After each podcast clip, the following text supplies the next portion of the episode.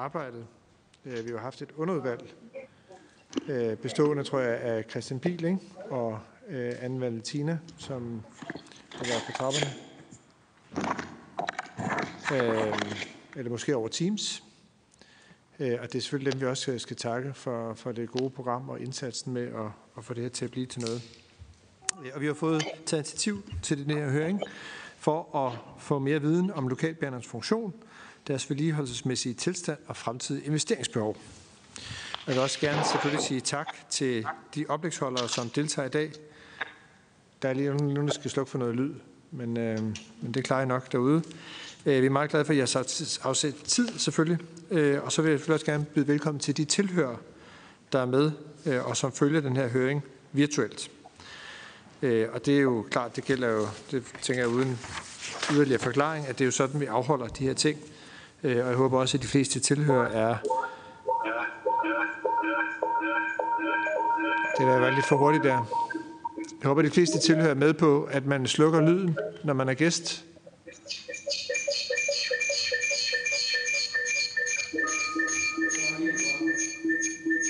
et år mere, så er vi ved at have styr på det, tror jeg. Der, jeg, jeg holder lige en pause. Der er et eller andet med lyden, i hvert fald her i lokalet, som ikke stiller. Jeg ved, ikke, om der nu har det på en, tæt på en computer. Hvad er det, jeg selv der i... Det lyd.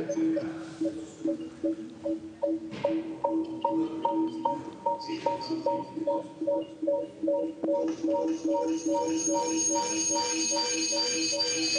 you.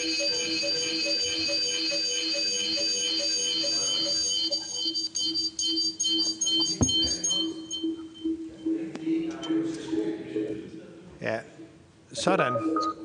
Nej, ikke helt. Jeg beklager, fordi jeg der sidder ude og følger med over Teams, selvfølgelig også fordi jeg er i lokalet, men det er trods lidt nemmere at følge med i. Men der er simpelthen nogle lydproblemer, der gør, at vi lige øh, holder en kort pause, indtil vi får det løst.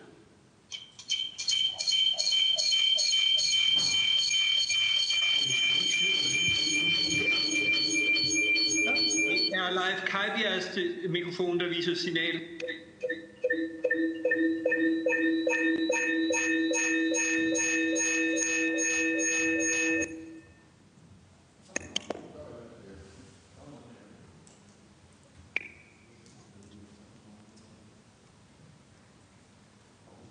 Godt. Det ser ud til, at der, der sidder en tekniker med derude, der lige hjælper os lidt med at få det løst. Ved I hvad, jeg fortsætter. Vi øh, regner med, at det var det. Øh, og øh, det, jeg var ved at sige, det var øh, at selvfølgelig byde velkommen og sige tak til de af jer, som er oplægsholdere, som har både afsat tid øh, og forberedelse til at være her. Øhm, og, øh, og så også sige velkommen til de tilhører, der er med og følge høringen på skærmen. Det er også vigtigt for os, at Øh, alle får mulighed for at komme til ord og også øh, stille spørgsmål, også selvom man ikke kan møde fysisk op. Og derfor så bliver det sidst i høringen mulighed for at stille spørgsmål under den debat, der vil vare fra cirka klokken lidt over 4 til, til vi slutter kl. 16.30. Øh, det, det siger næsten sig selv. Jeg kan ikke love, at alle kommer til ord, øh, men jeg vil bede jer om, de er der er med på Teams og ønsker at stille et spørgsmål om at stille eller skrive jeres spørgsmål i chatfunktionen øh, og samt jeres navn og eventuelt organisation. Og så samler vi simpelthen spørgsmålene sammen løbende, Øh, så jeg vil gerne stille dem løbende. Øh, og, øh, og så samler vi dem sammen, og når vi så går i gang med debatten, så vil jeg simpelthen tillade mig at læse op af de spørgsmål, der er kommet ind. Øh, og når vi har valgt det, så er det fordi, vi tænker, at det er den måde, vi hurtigst og nemmest gør det i forhold til debatten. Øh, og så må I øh, banke mig bagefter, øh, de er, der ikke er, hvis spørgsmål ikke er blevet øh, læst op. Øh, og eventuelt klager må I sende til en anden. Øh, men jeg skal forsøge at gøre det så godt som muligt, øh, når vi kommer dertil. Øh, godt. De gældende øh, coronarestriktioner betyder selvfølgelig også, at vi har medlemmer af Folketinget, som ikke er til stede, fordi vi kan simpelthen ikke være så mange i lokalet her. Øh, og de er også med i Teams. Øh, og samtidig vil jeg selvfølgelig også sige velkommen både til jer og til de medlemmer, der måtte være med fra udvalget for landdistrikter og øer, som også er inviteret med til høringen. Så inden jeg giver ordet til transportministeren, så har jeg lige et par praktiske ting. Oplægsholderne skal være opmærksom på, at vi har aftalt en tid for indlæg, som er maks 10 minutter. Øh, og derefter vil være 5 minutter til opfølgende spørgsmål fra udvalgets medlemmer øh, og svar fra jeres side. Øh, og jeg skal nok hjælpe til med tiden.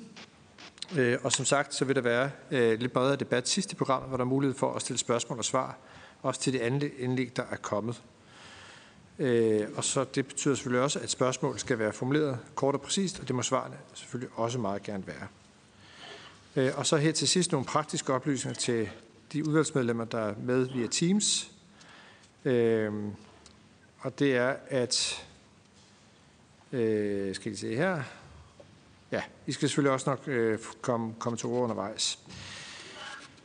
Øh, og I kan stille spørgsmål under hele høringen, øh, og det også til de oplægsholdere, der er. Og jeg vil også bede jer om at skrive spørgsmål i Teams, hvis I ønsker ordet, eller, eller give øh, til kende, øh, og så skal jeg nok sørge for, at I kommer med. Øh, og så skal alle selvfølgelig holde deres mikrofoner slukket. Godt, jeg tror, det var nogenlunde det, øh, og så klarer vi os igennem nu til det vigtigste, nemlig det første øh, på programmet, og det er transportminister Ben Engbrecht, som jeg nu giver over til. Værsgo. Tak for det. Øh, tak formand, og tak til udvalget for at invitere til høringen i dag. Den har jeg glædet mig til, fordi vi deler nemlig interesse for dagens emne, lokalbanerne, den kollektive trafik. Jeg ser sådan her på det. Øh, hvis vi forestiller os, det danske jernbanenet er kroppens blodomløb, så er Øh, det er jo sådan, at øh, det er fyldt med store kar og med små kar og vener, der slynger sig rundt forbi hinanden for at få hele blodomløbet til at hænge sammen. Hvis man forestiller sig det, så er lokalbanerne næppe halspulsåren. Lokalbanerne er derimod de små årer, som øh, giver de yderste led i kroppen liv. Det er de årer, som gør, at kroppen samlet set hænger sammen. Vi kunne øh, måske leve uden nogle enkelte af dem, men det vil jeg helst ikke. Fordi så mister man formodentlig noget følelse rundt omkring i landet. Vi har 13 lokalbaner i Danmark. De dækker samlet set over ca. 510 km spor, og de står for cirka 4% af den samlede togkørsel i 2019, hvis man altså måler på antallet af passagerer. Og man kan selvfølgelig spørge, stille sig selv det spørgsmål, er det så overhovedet nok til at have en eksistensberettigelse? Og svaret på det er efter min mening klart ja. For lokalbanerne gør en forskel – de gør en forskel for den enkelte, der kan komme på arbejde eller i skole. De gør en forskel for det område, der kan tiltrække nye indbyggere, handel, turisme og erhvervsliv. Og så gør de en forskel for samfundet som helhed, fordi de er en del af vores samlede kollektive trafiktilbud. De er med andre ord de trafikårer, der skaber liv og virkeløst i vores yderområder og i vores landdistrikter, og det er dem, der gør, at vi med stolthed kan sige, at vi har et stærkt kollektivt trafiksystem i hele Danmark. Økonomien til drift og vedligehold af de 510 km lokalbane, de kommer fra de årlige statslige tilskud til regionerne. Og jeg ved, at dagens høring blandt andet vil beskæftige sig med den analyse, der til, øh, tidligere er gennemført øh, om dette. Og da I har et særskilt oplæg om det, og da aftaler omkring økonom, øh, regionernes økonomi i øvrigt ikke hører under Transportministeriets ressort, så vil jeg ikke komme yderligere ind på det i dette oplæg. Regeringen har et målrettet fokus på at skabe mere sammenhæng i Danmark. Der skal ikke længere være så stor forskel på by og på land. Og derfor er jeg som transportminister selvfølgelig tilhænger af gode lokale transportmuligheder. Og lokalbanerne er en af løsningerne på den udfordring, og derfor er de også vigtige i fremtiden. Hvad der også er vigtigt i forhold til fremtiden er, at vi skal reducere vores CO2-udledning med 70 procent i 2030 målt sammenlignet med 1990. Og det kan vi ikke gøre, uden at der også er et bidrag fra transportsektoren. Og her vil jeg bare sige, at der er ikke nogen transportmidler, der er for små til at bidrage. Det gælder også for lokalbanerne. Lokalbanen kan endda ende med at blive en af vores helt store grønne pionerer. Batteritog er et grønt alternativ, som er i rivende udvikling. og jeg følger det med oprigtig interesse. Det er interessante muligheder, der åbner sig med det, og der er ikke mindst relevant viden at hente i forhold til den grønne omstilling af togtrafikken. Hvis der indsættes batteritog på lokalbanerne i fremtiden, så vil det nemlig betyde, at de kan køre på alle skinnertyper, uanset om øh, strækningerne er elektrificeret eller ej, og det betyder også, at det kan indføres uden dyre køreledningsanlæg på hele strækningen. Batteritoget kan med andre ord betyde, at alle lokalbaner kan blive pionerer inden for grøn togtrafik. De kan blive en del af frontløberne i den grønne omstilling. Uden at gå på kompromis med deres oprindelige funktion, nemlig det at bringe passagerer til og fra skole, til at få arbejde og ikke mindst til hjem og fritidsaktivitet. Det er interessante perspektiver, og her kan man selvfølgelig ikke komme uden om Region Midtjylland og Midtjyske Jernbaner, som jo tager sig til at være dem, der tør stikke næsen frem. Det er noget af det, som jeg håber, andre regioner også kan blive inspireret af. Når vi taler om lokalbaner, er det også værd at nævne samarbejdet mellem det statslige og det lokale. Privatbanerne opererer i dag i samdrift med statens baner. Et eksempel på det er nordjyske jernbaner. Nordjyske jernbaner overtog regionaltrafikken på statens bane mellem Skørping og Frederikshavn, og det har resulteret i, at trafikbetjeningen er intensiveret, at passagertallet er steget, og at brugerne er tilfredse. Man skal jo være et skarn, hvis man ikke siger decentet, for at sige det med jysk. Det er ikke så ringe. Faktisk så tror jeg, at de fleste vil sige, at det er ret godt gået. Passagererne oplever en rettidig og en velfungerende lokalbane. Det kan kun være smukke tøvner i en transportministers ører. Og derfor er min konklusion også klar. Vi har stadig behov for lokalbaner i Danmark. Vi har for den enkelte, for området og for samfundet som helhed. Og ansvaret for lokalbanerne skal efter min mening fortsat være lokalt og regionalt forankret. Som bekendt så har denne regering ikke et ønske om at nedlægge det regionale folkevalgte niveau. Beslutninger skal træffes så tæt på borgerne som muligt. Der er heller ingen tvivl om, at lokalbanerne får en rolle at spille i den grønne omstilling, og jeg glæder mig i hvert fald til at se potentialerne udfolde sig. Tak for ordet. Selv tak til transportministeren. Og som jeg sagde indledningsvis, sagde en masse ting, men det jeg også sagde, det var, at efter øh, oplægsholderne her, så har udvalgsmedlemmerne mulighed for at stille nogle korte spørgsmål. Og det har øh, Anne øh, Valentina Bertelsen fra SF vil gerne, så øh, hun er med over Teams. Værsgo, Anne. Og så bagefter Christian Pihl også. Værsgo. Jeg vil gerne kvittere for ministerens tale. Det er jo rigtig rart at høre, at, øh, at ministeren synes, at lokalbanerne har en eksistensberettigelse, fordi det synes jeg nemlig også. Øh, jeg er vokset op på Lolland, og øh, jeg har været dybt afhængig af Lollandsbanen, når jeg skulle i skole, og min mor var også afhængig af Lollandsbanen, når hun skulle på arbejde. Så de her lokalbaner, som jeg ser det, og som SF ser det, er altså forudsætningen for, at man kan have et liv uden for de store byer, som er knyttet op på hovedstrækningerne. Øhm, men jeg vil gerne spørge ministeren til, om han anerkender, at der er et problem med de her lokalbaner. Nu er det jo sådan, at øh, i Region Sjælland, hvor jeg selv hører til, der er der en lokalbane lige nu, som hedder Østbanen. Der mangler nogle nye skinner. Og det er et resultat af øh, manglende vedligeholdelse, som jo desværre ikke er en enlig svale i historikken omkring vores lokalbaner. Der har været flere tidligere eksempler, og jeg fornemmer, at det også kunne ske, at der kommer flere i fremtiden. Øh, man kan jo mene, hvad man vil om, hvis ansvar det er at vedligeholde lokalbanerne, men anerkender ministeren, at vi har et problem, når vi gentagende gange ser lokalbaner, som er lige ved at øh, synke i jorden, og øh, man ser befolkninger, der er afhængige af de her lokalbaner, blive nervøse for, om de nu også kan bruge dem i fremtiden. Tak for det, og vi tager lige Christian Pil fra Venstre med os. Ja, tak formand. Jamen, jeg vil også gerne sige tak til ministeren for, for oplægget og for klart tale om, at øh, lokalbanerne har en rolle fremover. Øh, mit spørgsmål øh, går på, at der har under tiden været forslag frem om, at for at rationalisere driften osv., så, så burde staten egentlig overtage skinnerne. Og så kunne selve driften på skinnerne kunne godt stadigvæk være forankret øh, regionalt. Øh, vil det være en mere rationel løsning, eller hvad er ministerens holdning til, til sådan et forslag, øh, der har været op tidligere? Ikke fra venstre side, men øh, andre har, har foreslået det.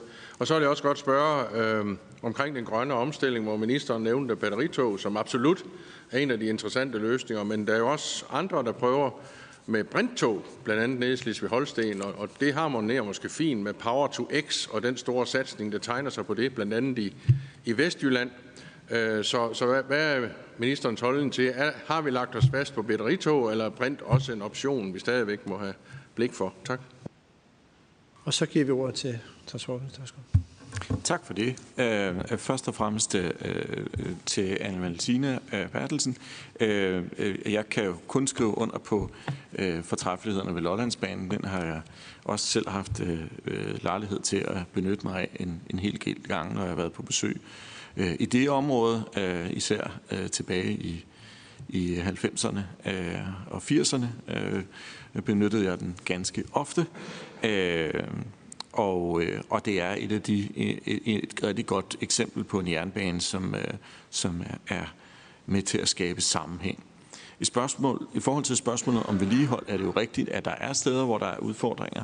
Andre steder i landet er der øh, på ingen måde udfordringer, og derfor øh, så kommer man nok heller ikke udenom at skulle analysere øh, det her lidt nærmere. Jeg ved, I har et oplæg på senere, som også handler om øh, øh, og, og kigge lidt bagudrettet. Øh, og, og det er jo klart, at hvis man, øh, hvis man har kigget på, på nogle af de analyser, der er blevet udført af øh, også øh, initieret af tidligere regeringer, så er der jo selvfølgelig en diskrepans imellem øh, de statslige midler, der øh, tilføres øh, området, øh, og de færre penge, der anvendes øh, på området. Øh, og, og det øh, vil, vil jeg ikke øh, gå ind i de Øh, konkrete øh, øh, konklusioner på her, også fordi I har et oplæg på det senere. Øh, men, men det er klart, at, at, de, øh, at de modsatrettede, øh, øh, øh at den modsatrettede bevægelse, det, det er i hvert fald en udfordring. Øh, og i hvilket omfang, at det så er, er medvirkende årsag til, at, at der også er efterslæb, det må man jo så analysere på. Øh, ikke desto mindre, så er det i hvert fald vigtigt for mig at understrege, at jeg øh, jeg forestiller mig ikke, at, øh, at opgaven skal flyttes fra der, hvor den ligger nu. Øh, altså, at, at det er ikke sådan, at, og, og det er jo så også lidt svar til øh, Christian P. Lorentzen, at, at, at hverken spørgsmålet om drift eller spørgsmålet om vedligehold, men at jeg bør flyttes øh, fra, fra, øh, fra den medindflydelse, som man også har nu, øh, fordi det, øh, det er afgørende, at man også har, har det lokale perspektiv med. Øh, så er det også klart, at, at, at kigger man i det større perspektiv, øh, så, øh, så det særlige tilskud, der gives til øh, vedligehold, det er jo ikke blevet... Øh, øh, altså, man har ikke kigget på fordelingen af det øh, i, i, i rigtig mange år, øh, men, men det er jo spørgsmål, som, øh, som man må tage op øh, i forbindelse med, øh, med den analyse, som, som I bliver præsenteret for senere. I første spørgsmål, spørgsmålet om, øh, om, om rationaliteten også, kan man vel sige til, til Christian P. Lorentzen, øh, at, øh, at det er klart, at hvis man forestiller sig sådan en model, øh, hvor man skulle overtage den vedligeholdelsesopgave, det, det tror jeg ikke vil være nogen god idé. Øh, ser man på øh, eksempelvis det nordjyske område, så, så må man sige, så, så håndterer man jo den situation forbedligt øh, øh, der. Øh, så, så det, det tror jeg virkelig ikke vil være nogen god idé. Men, men, øh, men hvis man forestiller sig den situation, så vil man nok også være i en situation, hvor de penge, øh, der statsligt øh, gives til området, de vil også blive så taget og anvendt til det. Og det vil jo betyde, at, øh, at man, i hvert fald hvis man sådan kigger tilbage, så vil man jo så selvfølgelig have anvendt flere midler øh, på, på det, øh, fordi de så vil gå til det, de var øremærket til, øh, det er klart. Øh, men, men nu er vi jo ikke for at skue tilbage, men det er så meget for at kigge fremad. Øh, og også i forhold til den grønne omstilling, som jeg er rigtig glad for, at, at du spørger ind til, øh, Christian, øh, så øh, er det ikke sådan, at øh, at, at jeg synes, vi skal afskrive andre tekniske øh, løsninger end, øh, end batteritog. Jeg, jeg hæfter mig bare ved, at der, at det er gået så kolossalt stærkt. Og, og det vil sige, at hvis man skal øh, med teknologien, øh, og, og derfor hvis man skal kigge på øh, en direkte elektrificering, så er der i hvert fald for mig ingen tvivl om, at så er batteritog noget af det, som, som umiddelbart vil, øh, synes at være meget modent. Øh, øh brinttogene ligger nok lidt længere øh, fremme i horisonten, og derfor afhænger det også lidt af, hvor hurtigt når vi derhen til. Og det vil nok være lidt for tidligt at konkludere på i dag. Øh, og, øh, og det vil nok også være forkert at antage, at man nødvendigvis skal vælge den samme øh, tilgang alle steder. Øh, jeg hæfter mig dog også ved, at, at Slesvig Holsten, som du selv fremhæver, jo har valgt batteritogsmodellen som det primære, og det de starter med. Faktisk et ret stort indkøb af batteritog. Måske ovenikøbet et indkøb af batteritog, der gør, at Øh, at vi også med sindsro vil kunne sige, at, at når vi måtte nå frem til at skulle indkøbe øh, øh, tilsvarende tog i Danmark, tilsvarende togsæt, så vil der være nogen, der har taget alle de potentielle børnesygdomme, der vil kunne være, altså meget ord, så, så vil vi ikke stå i en situation, hvor vi skal have kaste os ud i uafprøvet teknologi, og det, er, det tror jeg, at alle, der har arbejdet med, med tog, ville foretrække. Det er nok rigtigt. Øh, tak til transportministeren, og øh, så byder velkommen til Michael Svane fra DI, øh, som ja, jeg bare giver ordet til. Værsgo. Jamen tak for det, og tak for invitationen til at tale her i dag øh, og øh, give erhvervslivets syn på øh, lokalbanerne. Da jeg kiggede ind i 2021, så tænkte jeg ikke nødvendigvis, at lokalbanerne var sådan et topemne for dansk industri. Øh, men øh, det er det så blevet, og øh, det er det jo blevet med, vil jeg sige, stor glæde. Og jeg kan sådan set på lange stræk jo tilslutte mig det, som ministeren øh, sagde, nemlig at øh, lokalbanerne har en øh, afgørende rolle i øh, den, kan man sige, mobilitet, som øh, især også øh, understøttes øh, øh i måske de her mere øh, øh, yderområder, som vi kender til. Jeg må jo nok øh, bekendtgøre også, at jeg er fra Lolland og også har haft en barndom med lokalbanen, så Øh, ikke fordi det er en sammensværgelse, men mere bare for at sige, at øh, jeg også har oplevelser med øh, lokalbanen på Lolland som en del af min øh, ungdomsmobilitet, og jeg kan sådan set kun anbefale, at øh, den er der. Nå, jeg har lovet at give øh, et par nedslagspunkter set med erhvervslivets øjne i forhold til øh, lokalbanerne. Skal skynde mig at sige, at øh, jeg agter ikke at, at blande mig i spørgsmål om finansiering, øh, men bare øh, notere, at udvikling kræver jo også investeringer, og vi ser jo under alle omstændigheder gerne en udvikling også på lokalbanerne. Det, der er afgørende for os, øh, når vi kigger på mobilitet øh, og øh, dermed det, som for at blive ministerens sproglige billeder, nemlig mobilitet, som vi ser som erhvervslivets puls, at der spiller lokalbanerne selvfølgelig også en rolle.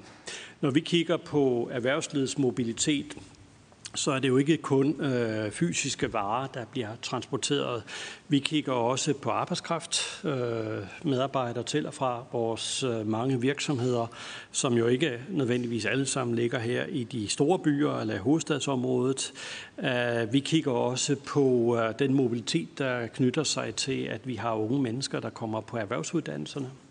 Og øh, når jeg kigger ned i de tal, som rent faktisk øh, som gør, at øh, jeg også synes, at der er en positiv historie at tale om ud fra lokalbanerne, ja, så kan vi jo se, at i øh, yderområderne, blandt andet på Lolland, jamen øh, en del af dem, eller en meget markant del af dem, der tager togene i lokal regi, det er faktisk pendlere, men også unge mennesker, der skal til uddannelse øh, stederne.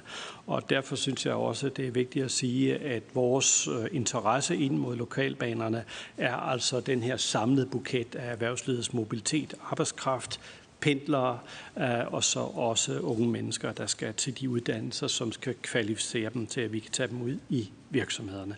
Jeg kommer lidt tilbage på banegodset lidt senere i mit indlæg. Det, der er vigtigt for os, når vi også øh, øh kigger på lokalbanerne, det er, at vi anser selvfølgelig lokalbanerne som en uadskillelig integreret del af den samlede kollektive trafik. Øh, derfor har vi også med stor glæde noteret os øh, den fremgang, der er sket øh, inden for lokalbanerne. Vi har også noteret os, at selvom det kan være en svær diskussion inden for den kollektive trafik og tale om organisering, så har vi jo i hvert fald øh, kunnet konstatere, at den måde, man nu har indrettet sig på i Nordjylland, det har faktisk givet øh, et løft i passagertallet. Det har også givet, øh, øh, kan man sige, en større tilfredshed blandt, øh, blandt de rejsende. Og jeg har lavet en stikprøvekontrol op hos en del af vores virksomhed i det nordjyske, og de er sådan set rigtig glade for, at øh, lokalbanerne øh, og NT er kommet i et, øh, et godt synk. Så ros til det, og dermed også en understregning, at den kollektive trafik kan og skal tales op, og at øh, den måde, man kan organisere sig på, at det kan også være med til at understøtte den her positive historie. Det, der for os er vigtigt i den her sammenhæng, udover at tale den kollektive trafik op, øh, er jo også, at øh, lokalbanerne øh, integreres øh, i den her kollektive trafik hverdag. Det vil sige, at det skal ses i en sammenhæng. Øh, vi taler i vores kredse meget ofte om den sammenhængende rejse. Og den sammenhængende rejse er jo øh, for os øh, afgørende for, at øh, der er et produkt, som gør det relevant at holde fast ved den kollektive trafik og ikke forfalde til at hoppe ud i bilen. Så derfor er det her for os også en del af historien om at styrke den kollektive trafik, men også historien om, at det rent faktisk kan lykkes. Så vil jeg også lige slå et slag rundt om spørgsmålet om by og land. Øh, det er absolut også en dagsorden, som vi øh, er stærkt optaget i erhvervslivet i dansk industri.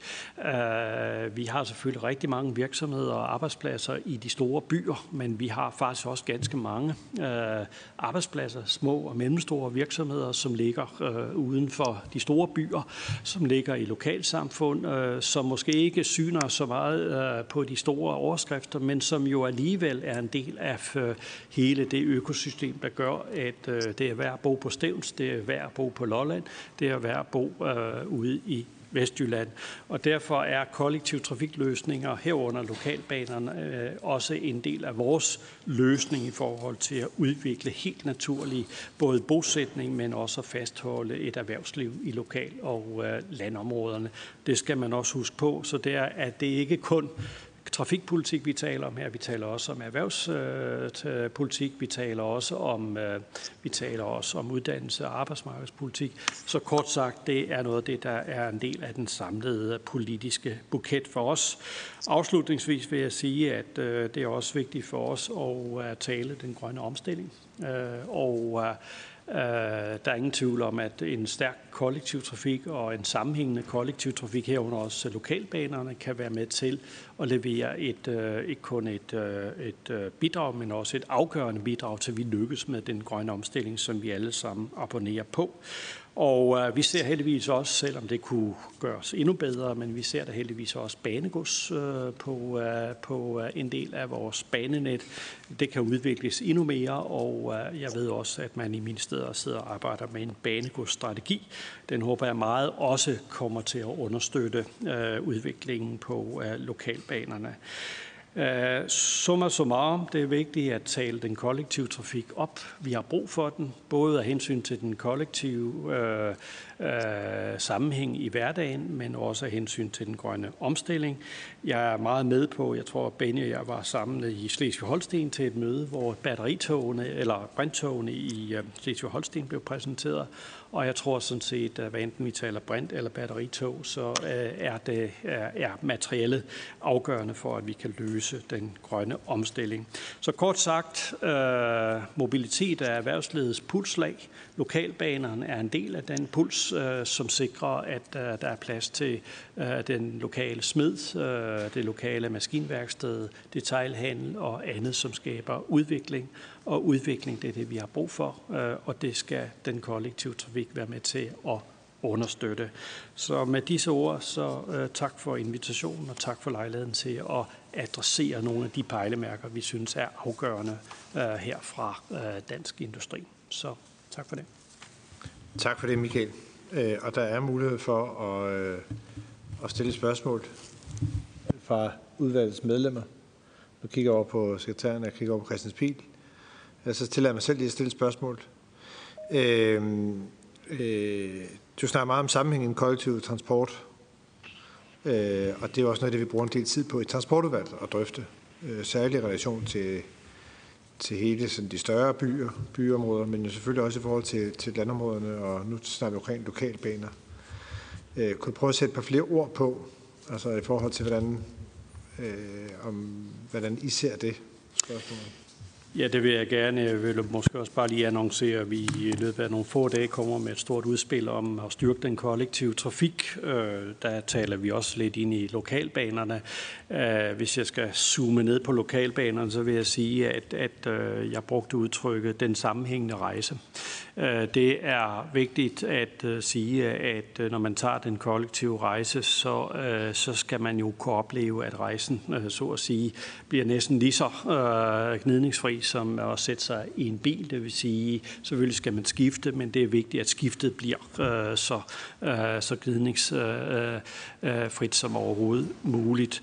Og så vil jeg sige, at noget af det, der jeg tror, vi også lægger øh, lidt af vægt på, når vi kigger på sådan den, den udvikling ude i landdistrikterne, det er jo, at øh, de øh, stationer og de, øh, kan man sige, øh, ja, nu vil jeg ikke bruge ordet trinbrætter, men, men alligevel de, øh, de steder, hvor, hvor, hvor man står af på toget, at det bliver udviklet til lokale trafikknudepunkter. Altså vi tror i virkeligheden på, at øh, man øh, både med øh, det, vi kalder øh, mobility, altså service, altså Mars-produkter, man kan have cykler, man kan lege og alt sådan noget. Få hele den der mikromobilitet til at vokse og vækste øh, med afsæt også i lokalbanerne. Det tror vi er vigtigt.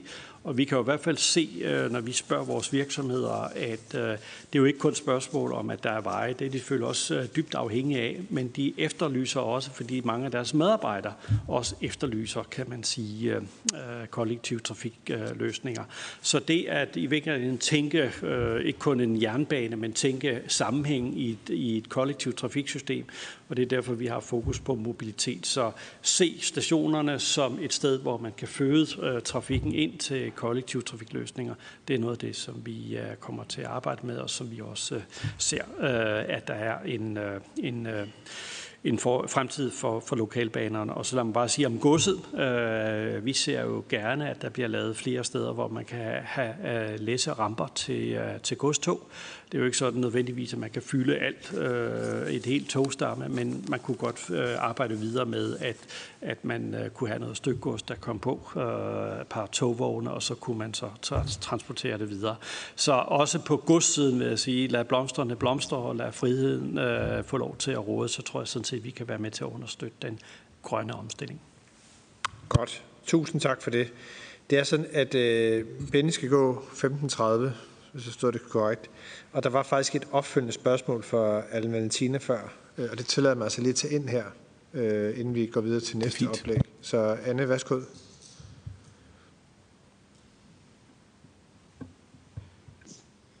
Tak. Øhm, altså, jeg synes jo, at ministeren kommer med rigtig mange gode pointer, og øh, også tak til, øh, til Dansk Industris øh, Michael for et fint oplæg, fordi vi er jo fuldstændig enige om, at lokalbanerne er rigtig vigtige for de samfund, som de øh, holder oppe, skaber bosætning i øh, og øh, booster erhvervsliv i. Men jeg synes ikke, ministeren svarede sådan helt præcist på det, jeg egentlig spurgte om, så jeg vil godt stille spørgsmålet en gang til. Anerkender ministeren, at der er et problem, som vi skal løse, når vi ser lokalbaner, der mangler vedligeholdelse, er ved at synke i jorden og gøre de brugere, som er så afhængige af dem, nervøse. Jeg kan se på formandens nik, at det betyder, at jeg nu må svare. Tak, øh, anne Valentina Værelsen, for spørgsmålet. Jamen selvfølgelig øh, er det her en udfordring, øh, og jeg synes jo både, at det er relevant at kigge på fortiden, hvorfor der er anvendt færre midler på øh, at vedligeholde infrastrukturen, end staten har givet i bidrag øh, målrettet til det. Det synes jeg er et helt relevant spørgsmål at stille, men selvfølgelig også at kigge på det fremadrettet, og det, som blot skal være min tilgang, det er, at øh, ansvaret for, for banerne efter min mening ikke skal fjernes fra øh, det niveau, de ligger i i dag, øh, da, øh, da det lokale og regionale øh, øh, at den regionale og lokale indflydelse på, øh, på banerne er efter min mening meget, øh, meget væsentlig. Godt. Og det affødte lige en øh, meget kort kommentar fra Christian. Værsgo. Ja, det er fordi, jeg kan se, at der er ikke helt enighed omkring det der med tallene, og hvor mange penge, der er blevet brugt og ikke brugt. Derfor vil jeg spørge, om, om regeringen har nogle initiativer til, at vi får det analyseret, så vi ikke diskuterer fakta. Fordi det må være et spørgsmål at kigge i de regionale budgetter og regnskaber, hvor meget er rent faktisk blevet brugt på banerne, og så kan man kigge i de statslige regnskaber, hvor meget er blevet givet til regionerne. Så, så det må jo kunne findes ud af. Er der nogle initiativer til, at vi får de der fakta på bordet? Inden du får lov, øh, så tager vi lige øh, Carsten Kismar med os. Værsgo. Jeg vil bare sige, at jeg har et lille indlæg med, hvor jeg vil prøve at belyse økonomien og historikken. Og det glæder vi os meget til. Øh, så tak for, for god forbrugeroplysning. Og så giver vi over til Benny. Værsgo. Ja, tak. Øh, ja, som sagt, så, så øh, har man jo også bedt mig om at holde et, et oplæg, øh, øh, som, som handlede om, øh, om det, det, det brede. Jeg går ud fra, at havde man ønsket at, at høre nærmere om regionernes økonomi, så har man inviteret en økonomisk minister. Men jeg synes da, at øh, Christian Pihl forslag om at lave en sådan analyse lyder fornuftig. Øh, det vil jeg drøfte med, med finansministeren, om øh, ikke der kan laves en sådan belysning af det. Øh, det lyder helt relevant. Godt. Så øh, binder vi en sløjfe på det øh, og, øh, og siger tak. Øh, og så går vi simpelthen videre til Alex Landix, som er chefkonsulent i Rampø. Jeg skal lige sige for god ordens skyld, både for oplægsholderne og også for tilhørende. Jeg bruger altså ikke lang tid på at præsentere jer. Vi har en rimelig stram øh, program, så øh, normalt ville det være høfligt lige at give lidt flere ord, men, øh, men det, øh, det springer vi altså lidt elegant henover, bare sådan, så øh, det er lige forventningsafstemt. Så værsgo, Alex. Jo, tak. Og jeg vil også øh, springe øh, direkte ud i det. Øh, fordi lidt som, øh, som det allerede har været præsenteret, så, så er der 13 øh, lokale øh, baner, som alle er enkeltsporet, og de betjener øh, lokale bysamfund. Og flere steder, så kan man sige, at de er så, så lokale, at de, øh, de er de eneste transporttilbud, øh, der er på den kollektive øh, side omkring de områder. De er så drevet, som er nævnt af, af regionerne, men er delt i, i fire øh, forskellige øh, trafikselskaber. Men det er også øh, fødelinjer ind til, til resten af det statslige jernbanenet. Øh, og man kan sige, at øh, man har fået udvidet driften øh, de senere år på, på lokalbanerne, så man kan sige, at det nærmest er blevet til, til regionale net. Øh, dels, som øh, vi har hørt med med nordjyske jernbaner, der begynder at køre også mellem øh, Frederikshavn, øh, Jørgen, Aalborg, Skørping, men også øh, øh, fra, fra sidste køreplansskift, hvor at øh, Østbanen på Stævns er begyndt at køre øh, videre fra Køge og til Roskilde, og for den sags skyld Lemvigbanen, øh, der har udvidet driften til også at omfatte øh, banerne til Skjern og til, til Holstebro. Så det er blevet væsentligt større Øh, regionale net, som, øh, som de her baner øh, arbejder med. Helt generelt så kan man også sige, at det er, banerne har en relativt lav infrastrukturbelastning, primært fordi, at der er nogle forholdsvis lette tog, og at hastigheden ikke er helt så høj, som det er på, på hovedbanestrækningerne. Og det betyder så også, at øh, noget for, for selve vedligeholdet, at banerne øh, ofte øh, faktisk kan holde lidt længere tid end, øh, end, end hovedbanenettet. Og så selvfølgelig, som Michael også nævnte, at øh, der er øh, noget godstrafik, men det er en lav øh, andel af godstrafik. Hvis vi så går lidt ned i, i detaljerne og kigger på, på selve passagerudviklingen, der har jeg valgt at lave et, øh, et indeks for at kunne sammenligne, hvordan udviklingen har været på, på banerne. Øh, man kan sige generelt set, så øh, med passagerkilometer per kilometer jernbane, jamen der er statens jernbanenet øh, cirka seks gange så højt, men det er også der, vi har øh, dobbeltsporet, som kan øh, håndtere flere tog per time. Vi har de store byer øh, med videre. Vi kan også se, at øh, man kan sige, det statslige jernbanenet de første par år her fra, fra 1990, jamen det har ligget sådan forholdsvis konstant så er der kommet en rigtig stor stigning i forbindelse med åbningen af, af Storebæltsforbindelsen, og senere med åbningen af, af Øresund, som så har haft en, en lidt længere indsvingsperiode også.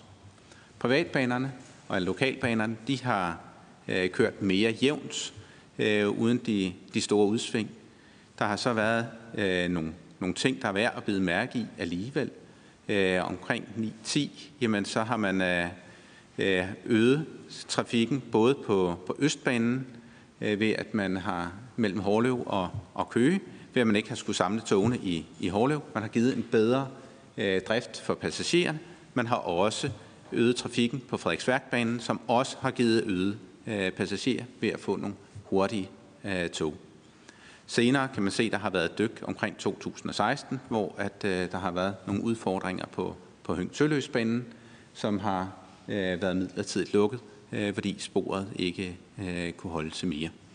Så de sidste par år er måske ikke helt så retvisende som øh, på den her figur, men jeg har taget det med alligevel, fordi det er der, hvor nordjyske jernbaner har kørt videre ned til, på det statslige jernbanenet øh, til, til Aalborg og Skørping. Dermed har de fået flere passagerer, men ikke nødvendigvis på deres egen infrastruktur, selvom der også er sket en, øh, en stigning i antallet af passagerer.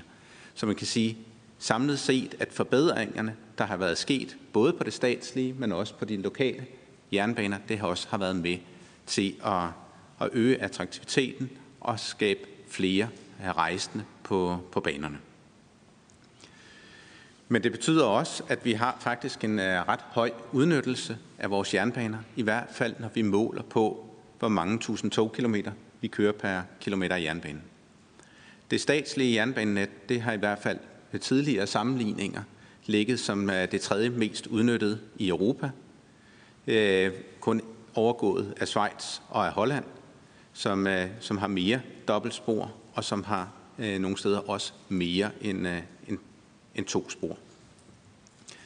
Og hvis vi sammenligner med, at der faktisk kan køre øh, cirka fem gange så mange øh, tog på, på de dobbeltsporede baner, som cirka halvdelen af Bane Danmarks net er, i forhold til enkeltsporede baner, jamen så ligger øh, lokalbanerne faktisk rigtig, rigtig godt med, også i hvor mange øh, kilometer, eller hvor, hvor hårdt udnyttet de er i transporten. Så det er sådan to af de øh, dele, hvor man kan sige, at der er faktisk en rimelig effektiv udnyttelse øh, af både det statslige jernbanenet, men også af, det, øh, af lokalbanerne. Hvis vi så går ind og kigger lidt på, på selve tilstanden, der lavede øh, vi i øh, 2016-17 en, øh, en analyse af tilstanden for, for de lokale baner, alle 13 og der kan man sige, at generelt så er tilstanden tilfredsstillende på, eller det var den i hvert fald på det tidspunkt, tilstanden tilfredsstillende på, på de lokale baner. På det tidspunkt identificerede vi to øh, baner, hvor vi vil sige, at der var efterslæb, altså en nedsat funktionalitet øh, på infrastrukturen. Den ene, det var Østbanen på Stævns, hvor at, øh, jamen der der øh, havde man været nødt til også at tage sæder ud af togene, for ikke at have så høj en belastning øh, på infrastrukturen. Og på den anden, jamen der har det været øh, hvor, på Lemvigbanen, hvor at, vi har identificeret nogle områder, som, som vi kunne sige, der var efterslæb på. Men ellers, så kan man sige, at nogle baner, de ligger rigtig godt eller over middel, og andre, de vil ligge under middel hvilket vi vil sige, jamen det er, det er normalen, også hvis vi kigger på, på andre baner. Øh, det er sådan, at hvis vi har været ude og, og lave en uh, fornyelse af sporet og infrastrukturen, jamen så vil tilstanden være rigtig god eller over middel, og så vil den stille og roligt, uh, på trods af en god vedligeholdelse, også falde i, uh, i tilstand til at komme under middel og være klar til en, en fornyelse. Enten bevidst også gå lidt i efterslæb, inden man laver fornyelsen, eller i hvert fald, når, øh, inden man kommer i efterslæb. Så det har vi kunne se, at øh, tilstanden den har generelt set øh, været tilfredsstillende på, på privatbanerne, eller lokalbanerne. Og hvis vi så har kigget og analyseret lidt på, hvordan har sporfornyelsen været igennem årene, øh, kan vi se, at rigtig store dele på det her tidspunkt, Øh, de var blevet sporfornyet og efterhånden var omkring 25 år øh, gamle eller mere af sporfornyelsen, og vi har kunne se, at, øh, man generelt set kan have en, en levetid på sporen på en 40 til 45 år. Og hvis vi bare tager 45 år øh, som, som levetid, og så siger, jamen det er nogenlunde samme takt, øh, som øh, der kommer og skulle gentage sig, jamen så kan vi se, at vi også arbejder ind imod, at der bliver en del øh, flere af de lokale baner, der får behov for en, en fornyelse øh, de kommende år. Øh, mere bare for at sætte i, lidt i perspektiv, at der har været nogle, fra historisk har der været en stor øh, fornyelse af banerne, og den kan vi også øh, forvente, der vil komme øh, om nogle år. Det præcise tidspunkt, det afhænger jo selvfølgelig af den, den eksakte tilstand øh, på banen, hvor meget den har været trafikeret med videre. Så det er ikke noget, der kan tages som en ren rettesnor, at det er det samme antal kilometer, der skal fornyes efterfølgende. Og hvis man så øh, konkluderer lidt, jamen så kan man sige, at øh, lokalbanerne, jamen de betaler, betjener de lokale øh, bysamfund og er fødelinjer også til, til det statslige jernbanenet. Der er en generelt øh, tilfredsstillende øh, tilstand på banerne, om end der er to af, af banerne, der har noget manglende funktionalitet og derfor har noget efterslæb. Det har også betydet, at der har været, hvis vi ser historisk, en større udnyttelse af, af banerne, både set med passagerer, men også set øh, med, med, hvor mange tog, øh, der kører. Og samlet set på, på den lidt længere sigt, jamen for at kunne opretholde og vedligeholde den øh, tilstand, jamen så vil der også være behov, fremadrettet formentlig et større behov for at kigge ind i, i fornyelse. Og det er der, jeg vil, vil lade ordene øh, være og takke for, for invitationen til at, at give den, den korte opsamling. Tak skal du have. Det var øh, meget øh, informativt øh, og behjælpeligt i forhold til, til dagens høring. Øh, og vi holder også sådan faktisk nogenlunde tiden. Øh, jeg skal se her, om der er nogle spørgsmål. Det virker ikke til det. Jo, jeg sad og så ventede på dig, Christian. Værsgo. Ja, tak for indlægget. Øhm, jeg kan forstå, at der er sket en, en øh, der er et vedligeholdelsesmæssigt efterslæb, som håber sig op, og vi skubber foran os, så derfor er der behov for investeringer. Øh, ikke kun daglig vedligeholdelse, men egentlig investeringer og fornyelse. Og det er jo også, egentlig også derfor, vi, vi nok har den her øh, høring. Men, men har du nogle tal på, hvor mange, hvor mange kilometer man har vedligeholdt øh, af Øh, privatbanerne, lokalbanerne. Øh, jeg har ladet mig fortælle, at de sidste i perioden 2007 til 16 er der fornyet 10 km i alt ud af det samlede net. Det virker jo ikke særlig overvældende. Øh, man skulle jo tro, at man skulle hele vejen rundt, for eksempel hver 20. år eller hver 25. år. Så, så har I nogle tal, der kan bekræfte det der med, at vi har et stort efterslæb, som, som en er blevet skubbet foran? Øh, de seneste år øh, passer det meget godt omkring de 10 km, øh, der er blevet øh, fornyet. Øh, men det, man skal også se det, at det er en, en 40-45 år sigt, som, hvor banerne øh, har behov for at, at komme ind i den store fornyelse. Øh, så det er ikke, fordi øh, det ser meget forskelligt ud i forhold til, til billedet. Øh, her der har måske været, allerede på det tidspunkt været et, to baner, der har været i efterslæb. Det er ikke de to baner, der har været en, en større fornyelse på. Så det, på den måde kan man sige, at det efterslæb, det eksisterer stadigvæk, men øh, nogle af de baner, der har ligget under middel, har man undgået at komme ind i efterslæb på øh, her de sidste fem år. Godt. Øh, så siger vi øh, tak for det. Og der var sørme et spørgsmål fra Anne også. Anne Valentina fra SF. Det når vi også lige, inden vi går videre. Kort og konkret spørgsmål. Anne, værsgo. Meget kort. Øh, hvor mange af vores lokalbaner kan vi realistisk set forvente skal have nye skinner inden for de næste 10 år? Øh, hvis jeg går en enkelt tilbage, jamen så kan vi sige, at dem, der øh, på kortet her er markeret som, øh, som mund og middel, øh, og dem, der i dag er i, i efterslæb, det er et godt bud Men det er ikke nødvendigvis en hel bane på en gang, der skal, skal fornyes. Øh, det kan godt være dele af en, øh, en banestrækning, der bliver fornyet, men kun den ene del. Så derfor er det ikke et helt retvisende billede, men man kan stort set også gå ind og kigge her på og sige, jamen det ligger nok omkring de, hvis man antager omkring øh, hvad hedder det, 45 års levetid, så ligger der omkring de 100-110 km, øh, der skal, skal fornyes øh, de næste fem år, og så igen en, en 80 km efterfølgende. Så, så små 200 km, hvis man antager, at der er 45 års levetid mellem. Godt. Det var et godt konkret spørgsmål og et godt konkret svar. Så siger vi tak til Alex, og så går vi videre til Carsten Kismeier, som udover at være folketingsmedlem, også er formand for udvalget for regional udvikling i Region Midtjylland, og som allerede har annonceret, at det kommer til at handle om økonomi. Så det glæder vi os til. Værsgo, Carsten. Det er nu ikke i Region Midtjylland. Ja, det er for danske regioner. Jeg, er, jeg sidder i, øh, er formand for regional udvikling, så det er et samlet billede for landet som helhed.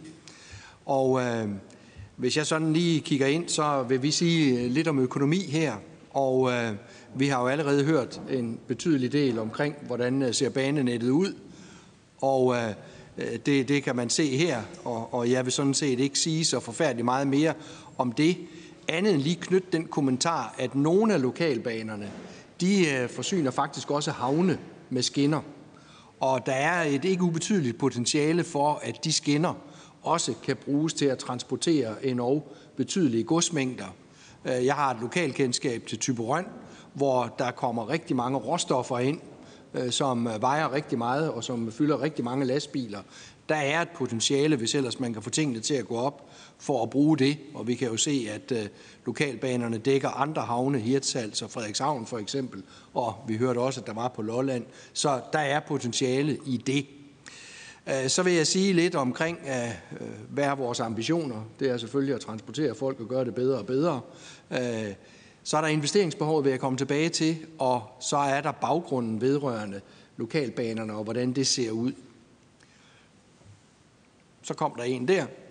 Og øh, der er ikke meget nyt i den her planche her. Øh, man kan bare sige, at, at det vi ved, det er, at 70 procent af kunderne de er pendlere, og 25 procent flere passagerer øh, over de senere år. Og det vil jo sige, at øh, vi har også historien fra Nordjylland, som allerede har været omtalt, øh, som en god historie, hvor det, at man laver et bedre produkt, rent faktisk også lokker kunder til.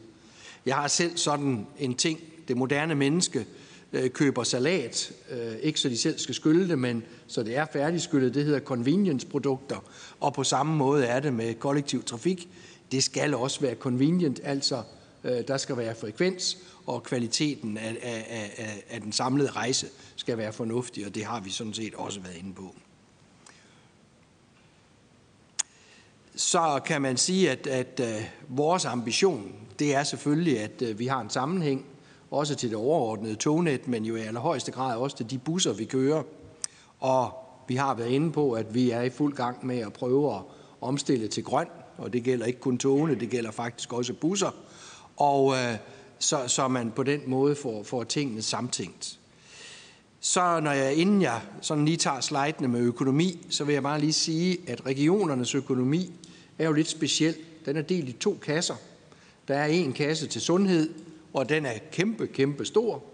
Og så er der en lille bitte, bitte kasse til regional udvikling, som ikke er særlig stor, og hvor vi håndterer kollektiv trafik, men hvor vi også håndterer for eksempel jordforurening med videre. Og vi har også nogle kulturtiltag og lidt opgaver på uddannelsesområdet. Men historisk, de senere år, så er den kasse, som er lukket, som hedder regional udvikling, der er en stigende andel af den kasse gået til kollektiv transport, og det er også fordi vores busser øh, stiger også i pris. Så det var sådan lige for at fortælle, hvordan er det, øh, økonomien virker. Så vi kan altså ikke spare på kræftpatienter og så finansiere togdrift med det. Øh, det er heller ikke sikkert, det vil være særlig kommelfo. Og så, så kommer vi her, og det er jo faktisk bare den, øh, vi lige har fået set, som vi også har kigget på, og så sagt, hvad er det nu, der sker? Vi har også været inde på, at lokalbanerne faktisk ikke selv driver alle de baner, man kører på. Nogle af banerne driftes også af Bane Danmark, og det gælder øh, forskellige steder i landet, at der er en kombination af, at lokalbanerne ejer skinnerne i et vist omfang, og Bane Danmark ejer skinnerne i et andet omfang. Og så kom den der. Så, så, så kan man sige, hvordan ser lokalbanernes investeringsbehov ud, når vi kigger frem til 26. Og øh, så står der her, 105,8 millioner kroner mangler vi årligt. Og så kan I spørge jer selv, hvor kommer det tal fra? Det kommer fra, at vi siger, at der er et investeringsbehov samlet set på ca. 1,4 milliard. Og langt hovedparten af dem, det er investeringsbehov, der er i skinnenettet, i fortsættelse af den præsentation, vi fik øh, før. Det arbejder man selvfølgelig på at kvalificere yderligere. Men der har jo så været, og vi har senest hørt øh, den gode trafikminister nævne det i dag, at regionerne har ikke brugt de penge, de har fået øh, til lokalbaner. Og der må jeg så bare sige, det passer ikke. Det er rent faktisk sådan, at vi har brugt flere penge, end vi har fået. Og der er en aftale tilbage, og den viser jeg lige om lidt, tilbage for over 2000, da hr. Jakob Buksti var øh, minister, hvor man sådan set sagde, at det investeringsbehov, der var frem til 2009, det fik man godt gjort, sådan at man kunne låne til det. Og det, der er essensen, er, at de investeringer, man lavede frem til 2009, de blev lånefinansieret. Og de lån, de udløber først i perioden fra 25 og fremad. Og det betyder, at de investeringer, vi skal lave nu, det er altså ting, der kommer oveni. Og derfor er det, vi har et, et udækket finansieringsbehov i den her sammenhæng. Hvis vi ser, så er, er den her øh, øh figur, øh, den illustrerer så, øh, hvordan det ser ud. Vi skal være opmærksom på, at det udgangspunkt, regionerne havde, da de startede i 2007, den 1. januar, der var budgettet 372,4 millioner til driften af lokalbanerne. Og lige nu, der er det gennemsnit, vi har haft i de år, der er gået, det er altså 463,2 millioner kroner. Det betyder rent faktisk, at vi har brugt flere penge, end vi egentlig oprindeligt havde fået adresseret.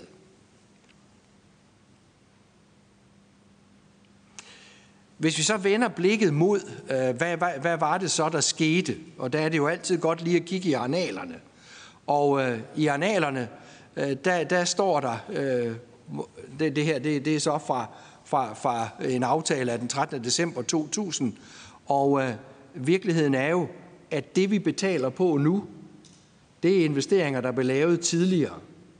De investeringer, vi skal lave fremadrettet, der er ikke midler til det, før vi er færdige med at betale de gamle ting, og det kan så godt ske, at vi har et eller andet nulpunkt, vi når en gang midt i 30'erne. Men frem til det tidspunkt, der er der ikke midler i regionerne til at få skiftet de her skinner, og de kan simpelthen ikke skaffes. Og, og, og, og der, derfor må man sige, at vi afviser på det bestemteste, at regionerne har fået de midler, der skal til til at skifte skinnerne, som det ser ud nu. Og det er egentlig den opgave, øh, jeg lige havde fået, det var at prøve at samle op på, hvordan ser økonomien ud. Og det er øh, vores bedste bud lige nu.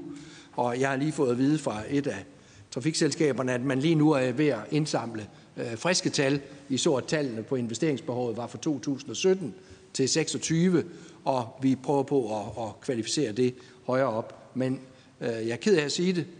Vi har ikke pengene, og hvis vi ikke får nogen penge, så bliver vi nødt til at pille skinnerne op, og det har man undersøgt i Region Sjælland, at det er en dårlig løsning, for det er faktisk dyrere at erstatte skinnerne øh, med nogle busser, der kører i tracéen. For det havde været en af de tænk- tænkninger, man har haft, og det fremgår faktisk af den, I lige har delt rundt også. Det var, hvad jeg vil sige. Tak for det. Således opløftet. Så øh, er der et par spørgsmål fra, øh, fra nogle folketingskollegaer. Den første det er Anne Valentina, og så Christian Biel. Værsgo, Anne. Tak for det rigtig fine oplæg øh, til Karsten. Og øh, jeg har jo snydt lidt på forhånd og, og kigget ned i nogle af de samme tal, som blev fremlagt her. Det synes jeg jo er enormt bekymrende, fordi jeg synes øh, også, at det er meget tydeligt, at der er behov for noget yderligere finansiering. Uanset om der er nogle steder, hvor pengene måske er blevet brugt lidt forkert. Øhm, og det bringer mig egentlig frem til, til mit spørgsmål, fordi øhm, der er jo en underfinansiering, som jeg ser det. Hvor meget taler vi om præcist, at der er behov for, hvis man skal op på det nødvendige niveau øh, årligt?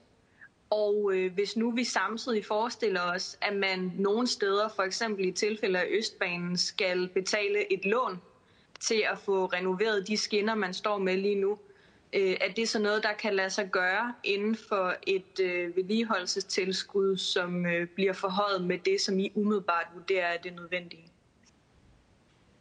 Vi tager lige øh, Christian med os. Værsgo.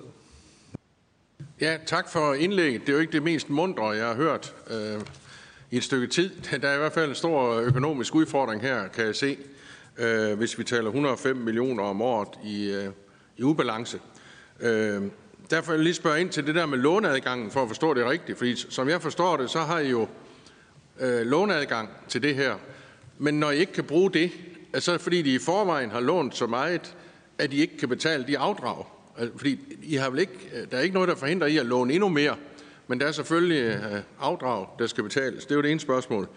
Og det andet er, hvis man nu skal dække den her manko, synes I så, at det skal tages fra Benys øh, ramme til kommende forhandlinger, øh, som jo skal bruges til, til baner og veje og alle mulige andre gode ting, cykelstier rundt omkring, nogle, nogle ting, som, som der er store ønsker om i kommuner og regioner, eller skal de tages fra den store klinge, som jo er den øh, deroppe ved finansministeren, hvor man jo i forvejen finder den her finansiering? Tak. Og værsgo, Carsten. Jamen, det vi taler om, det er jo en betalingsstrøm. Og betalingsstrømmen øh, rent faktisk er jo sådan, at de penge, vi har lånt øh, i tidligere tid, dem afdrager vi stadigvæk på. Og det, det gør vi frem til øh, et eller andet sted, øh, 35-40 formentlig. Og de tal, vi så med, med de levetider, vi havde på skinnerne, så passer det nok meget godt. Det, der er problemstillingen med de investeringer, vi skal lave lige nu, hvis vi optager nye lån til dem, det, det, det er den mulighed, der formentlig vil være, så vil der jo komme en ny afdragsbyrde, som er der samtidig med den anden. Og, og der vil så ske en udjævning over årene. Men udfordringen, som vi vurderer det lige nu, er de der godt 100 millioner om året. Og på spørgsmålet om, hvor pengene skal komme fra, øh, så, så, så vil jeg sige, at øh, det, det tror jeg, Folketinget skal finde ud af. Og det kunne jeg godt have en holdning til, men så vil jeg blande kasketterne sammen. Det kan vi ikke have. Men øh, vi siger tak for svarene, øh, og øh, det kan jeg faktisk anledning til, at ministeren lige vil øh, øh, sige noget, det skal velkommen til. Ja, og tak fordi jeg godt lige måtte få ordet også. Og det er jo fordi, jeg tidligere øh, over for Christian Pil Lorentzen indikerede, at, at jeg gerne vil kigge nærmere i, ind i en økonomisk analyse, øh, og blot for at supplere øh, det, som er blevet sagt fra danske regioner, øh, så, øh, så er det jo sådan, at øh, der også opgives øh, tal øh, fra trafikselskaberne øh, til, til Trafikbygge- og Boligstyrelsen om, hvor meget der reelt bliver anvendt øh, på at vedligeholde øh, og investere i skinnenettet. Og der skal jeg øh, bare for en god ordens skyld øh, gøre opmærksom på, at de tal, som er indberettet af officiel kanal til Trafikbygger og Boligstyrelsen, ikke harmonerer med de tal, som danske regioner giver udtryk for her. Det kan der være forskellige forklaringer på, selv sagt. Men det er også klart, at det bliver øh, også nødvendigvis nødt til at være en del af sådan en analyse.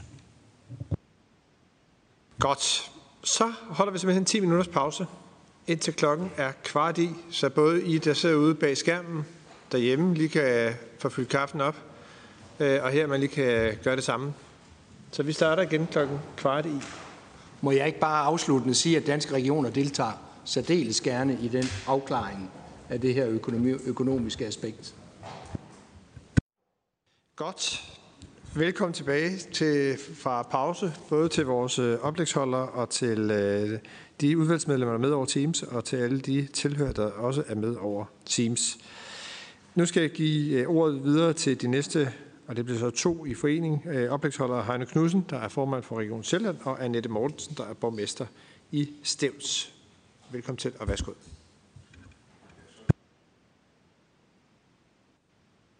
giver god mening. Tak for det.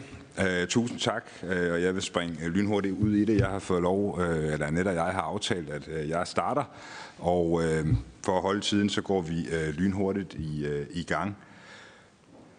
Skal jeg også lige finde, hvad jeg skal trykke på her? Hov. Sådan der. Først lige en, øh, en hurtig indflyvning på øh, Region Sjællands situation, fordi øh, som øh, flere har været inde på, ikke mindst Karsten i, i det sidste indlæg, så er et af de steder, der er allermest udfordret lige nu, det er jo Østbanen i Region Sjælland. Øh, men sådan lige først en, en indflyvning øh, på øh, de lokalbaner, vi har i Region Sjælland. Vi har 40 procent af, af lokalbanerne, eller lokalbanesporene i Danmark. Dem har vi i Region Sjælland. Det er også Hadersbanen, Tølløsebanen, det er Lollandsbanen, som flere har nævnt her, og det er, det er Østbanen. Og øh, alle sammen kendetegnet ved det, som har været gennemgående tema, netop de ligger lidt væk fra de helt store byer, er ikke betjent med øh, statslige baner, øh, og øh, for mange vedkommende den afgørende transportmulighed, når vi taler kollektiv trafik. Som sagt, Region Sjælland er dem, der har den største andel af lokalbanerne, helt præcis 201 km lokalbane i, i Region Sjælland. Så er der lige fokus særligt på Østbanen, fordi det er, øh, som vi også kunne høre, øh, blandt andet i, Rambøls fremlæggelse, øh, jo det sted, der, eller det sted, der nok er mest udfordret lige nu i, i Danmark. Det er en hovedtransport over i, i Faxe og i Stævns Kommune, det ved jeg, at Annette også vil komme ind på, giver direkte forbindelse til Køge og Roskilde med, med skift i Køge til, til København. Og nu var der jo gode eksempler, blandt andet fra Region Nord, i forhold til, når man ændrer på det her med, hvem er det, der driver banen. Og der er i hvert fald et rigtig godt øh, og succesfuldt samarbejde her, hvor vi jo nu har overtaget den statslige betjening af, af banen til, øh, til Roskilde øh, efter øh, aftale med, med staten. Så også et eksempel her på, hvordan man kan udvikle og udvide på øh, den lokalbanestruktur, vi har, øh, for i sidste ende at skabe bedre service til vores øh, borgere, og ikke mindst øh, flere passagerer i den, i den kollektive øh, trafik et godt eksempel på, hvad der kommer ud af samarbejde på tværs af, af centralt og decentralt niveau. Som jeg får skiftet her. Der. Øh, men som sagt, øh, Østbanen har øh, nu levet i de her cirka 45 år, og øh, jeg vil gerne, og kvæg de tidligere indlæg, der har været også et glimrende spørgsmål, først glæde mig over, at der er enighed om, at lokalbanerne er vigtige, men også glæde mig over, Øh, at øh, den forventede øh, eller normale levetid for en bane er cirka 40-45 år, som jeg hørte Rambøl sagde meget præcist. Og det betyder altså bare lige for at, at være helt tydelig på det, at Østbanen har været vedligeholdt. Østbanen har hele tiden været vedligeholdt, men nu skal den renoveres, nu skal der nye skinner på. Og det er bare vigtigt at skille de to ting. Jeg sammenligner nogle gange lidt med, hvis man har en bil, og det er der jo flere, der vil have, hvis ikke man øh, har en Østbane. Øh, hvis man kører den til service efter servicebogen, så selvom man gør det præcis hver gang, man har kørt det antal kilometer, den skal til service, så vil den alligevel være slidt op en dag, og sådan er det også med, med skinnerne. Øh, og øh, den renovering, eller de nye skinner, vi taler om, de er vurderet til at koste ca. 510 millioner kroner, inklusiv det her 30% usikkerhedstillæg, som, øh, som man jo skal øh, regne med øh, ifølge øh, lovgivningen. Vi er helt enige om i Region Sjælland, at den spor, altså nye skinner er helt afgørende på tværs af alle øh, politiske partier, også bare for at øh, skære det helt øh, tydeligt til. Og man må sige, at den tilstand, der er, hvor man har pillet sæder ud af toget, hvor man nu kører på nedsat hastighed, gør, at vi ikke har noget tid at spille. Det vi har fået at vide, det er sådan, at vi kan køre med den nedsatte hastighed, vi har nu i hvert fald frem til 3. kvartal 22, og det betyder, at hvis vi skal Øh, holde den tidsplan, så skal vi have en finansiering på plads inden udgangen af juni måned i år, øh, for ikke at risikere, at vi pludselig står og slet ikke kan køre på øh, banen. Og øh, bare lige hurtigt i forhold til de økonomiske rammer, der har været nævnt, øh, Carsten øh, gjorde det meget tydeligt. Vi har jo en kasse, der hedder regional udvikling, en der hedder sundhed. Vi må ikke blande dem. Øh, og vi bruger i den regionale udviklingskasse i Region Sjælland 74 procent af de regionale udviklingsmidler på øh, kollektiv trafik. Det vil sige mindre end øh, også andre regioner, for eksempel på jordforureninger og andre af de opgaver, der ligger ind under den, den regionale udviklingsportefølje. Øh, vi, må, vi har løbende måttet spare på den kollektive trafik, øh, senest på grund af erhvervsfremreformen øh, tilbage i 2019, øh, hvor vi sparede 16,7 millioner kroner. Jeg vil bare lige, hvis man sådan lige tænker, så er det ret mange busafgange og ret mange togafgange, øh, hver gang man skal spare i, i den øh, størrelsesorden. Og så bare sige, det nuværende investeringstilskud, der får vi 36 millioner kroner i øh, Region Sjælland. Her på, på sliden, der står, at det svarer nogenlunde øh, til at finansiere øh, de investeringer, der allerede er foretaget i lokalbanerne. Det er, det er både og, fordi vi bruger faktisk cirka 4 millioner kroner mere om året alene på investeringstilskud, altså cirka 40 millioner kroner om året. Så allerede der øh, er der et, et efterslæb. Jeg vil bare lige sådan understrege, jeg kan se, at på et tidspunkt har øh, transportministeren øh, svaret Folketinget, at øh, vi får 203 millioner kroner i tilskud i Region Sjælland, og vi bruger 240 millioner kroner på lokalbanerne om, om året. Øh, og så til sidst, jamen, hvad er det egentlig for nogle muligheder, vi ser? Øh, vi, øh, vi har desværre, kan man jo sige, i den her sammenhæng i hvert fald, ikke mulighed for at udskrive skatter i regionerne, og derfor kan vi heller ikke øh, lave en politisk aftale og så hæve skatteprocenten og så finansiere de her 500 millioner af, af den vej. Som det også er sagt fra Carsten Kismeier, så blev investeringstilskud til lokalbanerne ikke øh, som forudsat af søgerført tilbage i 2009, og det giver altså nu det her akutte øh, problem. Vi ser tre løsningsmuligheder. Statslige pulje, altså hvor man simpelthen laver en pulje til de her investeringer og kan kanalisere dem derud, hvor behovet øh, er. Øh, en assurindføring af investeringstilskuddet, som vil kræve øh, 23 millioner kroner om året i Region Sjælland, simpelthen for at kunne afdrage på lånene, eller en helt særskilt bevilling til, de her, til den her opgave i, på lokalbanerne. Afslutningsvis, talkrigen er i gang. Jeg vil bare sige, at vi vil gerne bidrage alt det, vi kan øh, til at få den opklaret, fordi Øh, fordi det kan jeg jo høre, det er der, vi står, og borgerne, det er borgerne, der er gisler øh, lige nu i øh, den diskussion. Øh, jeg vil dog øh, henstille til, at det ikke bliver en forsinkelse af processen, øh, så jeg bliver gerne nogle timer ekstra i dag, hvis det er i dag, vi gør det, og ellers så øh, er vi i hvert fald klar til at tage fat, øh, fordi vi har den her skarpe deadline øh, med udgangen af, af juni måned. Alternativet for meget trængsel på vejene. Det er vel den korte øh, version øh, af det, og en, en, et, et tilbageskridt i forhold til den grønne omstilling. Jeg er ikke sikker på, at det var hurtigt nok, men alligevel er det værsgo ordet til dig. Hvis jeg må det for øh, formanden. Ja. Ja, tak. Kommer der nogle slides? Ja. Unge mennesker med drømme og håb for deres fremtid, som ikke har de samme muligheder for at tage en ungdomsuddannelse som andre unge. Forældre, i børnefamilier, som gerne vil både kunne passe et arbejde i København og være sammen med deres børn, når de er vågne. Potentielle tilflytter, som sender flyttebilen i en anden retning, fordi mulighederne for at bruge kollektiv transport, den er dårlig eller helt væk. Det er blot nogle af de mennesker, som bliver stærkt berørt den dag Østbanen ikke er her længere. Og desværre er de eksempler ikke taget ud af den blå luft. De bliver helt konkrete og meget virkelighedsnære, når vi ikke gør noget nu, og sikre den livsnave, som forbinder Stævns til kraftcentrene i og på Sjælland. For kun tre år siden, der kørte Østbanen helt planmæssigt. Vi var mange, som tænkte stort for Østbanen og den kollektive trafik i form af primært to ambitiøse planer. Og ikke mange havde troet, at Heino og jeg vi skulle sidde her i dag og tale for banens overlevelse og eksistensberettigelse. Den ene plan, ja, den handler om strækningen mellem Køge og Roskilde, som sikrer direkte adgang mellem Fakta Ladeplads og Rødvig i den sydlige del og Roskilde i den nordlige. Her var Østbanen netop løftestangen til at opnå enighed om den aftale. Tænk på de vidtrækkende muligheder ved en ny fremtid med direkte forbindelse til Sjællands Universitetshospital og ikke mindst Campus Køge og Roskilde Universitet for vores unge studerende.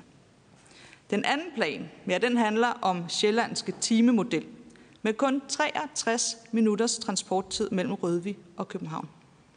Tænk på, hvad det vil betyde for en ung børnefamilie, hvis man kan komme fra Rødvig til København på bare en time. Ja, det er to allerede aftalte planer. Det er drømme og ambitioner, som er en væsentlig del af vores lokalsamfunds fremtid. Det er det, vi bygger på. Og nu er vi så et sted, hvor hele fundamentet det vakler – vi er dybt bekymrede for, om Stævns, Faxe og Køge Kommuner har den her togforbindelse i fremtiden. Og hvad er Østbanen egentlig for Stævns og Faxe? Ja, lad mig give jer et indblik. Først og fremmest ja, så er det livsnaven for mere end 1 million årlige rejsende. Det er forbindelsen til studie og arbejde for mennesker, som har valgt at bo på landet. Og lad mig i den forbindelse lige fremhæve, at Stævns er blandt de kommuner i hele Danmark, som har den højeste andel af borgere, som hver dag pendler ud af kommunen. Og vi ligger i top 5, når det gælder lang afstand til vores arbejde. Det er lige præcis her, Østbanen har sin berettigelse. At transportere mennesker langt med udgangspunkt i regelmæssighed, driftssikkerhed, kapacitet, komfort og ikke mindst hastighed. Og lad mig runde af med at stille spørgsmålet. Bær vi om for meget? Jeg vil tillade mig at svare på vegne af de unge mennesker med håb for deres fremtid. Forældre, som gerne vil både kunne nå at være på arbejde og være en aktiv del af deres familie. Tilflyttere, som drømmer om et liv på landet. Jeg synes bestemt ikke, at vi beder om for meget. Stævns er den eneste kommune i Danmark uden en statsvej, og vi har ingen regionale busruter tilbage. I 2010 forsvandt vores tværgående regionale busrute, og senest blev natbussen sparet væk. Især til stor gene for dem, som arbejder i skiftende vagter på Universitetshospitalet i Køge, og ikke mindst vores unge, som har behov for at være en del af det sociale liv, hvor de går i skole. Jeg er meget stor tilhænger af strategien om et Danmark i balance. Men strategien skal gerne omfavne hele Danmark. Tak for ordet. Selv tak, og jeg kan sige, at øh, vi har brugt ganske meget tid på Østbanen, også i transportudvalget. Øh, så øh, øh, endnu en gang tak for, for et rigtig godt øh, oplæg. Og nu er der vel sådan en runde på, hvor man har markeret, hvor man selv er vokset op på lokalbanen. Jeg er vokset op i Tølløse, øh, og der kan vi det jo for krisen. Det ved jeg ikke, om den stadigvæk hedder Tølløsebanen, men øh, det gør den, kan jeg se, der bliver nikket. Øh, meget, meget fint, når man skal ud til Kægæstestrup og andre fine steder øh, som ung menneske. Men øh, Christian havde et øh, spørgsmål. Værsgo. Ja, tak for jeres øh, indlæg. Og øh, som Heino var inde på, en talkrig er i gang, og borgerne skal ikke være gisler. Det er jeg fuldstændig enig i. Det er også derfor, vi, vi har taget initiativ til, til den her høring, så vi får fakta på bordet, fordi det er forudsætningen for, at vi kan komme videre. Og derfor tror jeg, det er rigtig godt, som ministeren kan tilsavn til, at vi får lige dykke ned i de tal og finde ud af, hvad er op og ned. Og, og det er tallene øh, som baggrund for politisk øh, beslutning.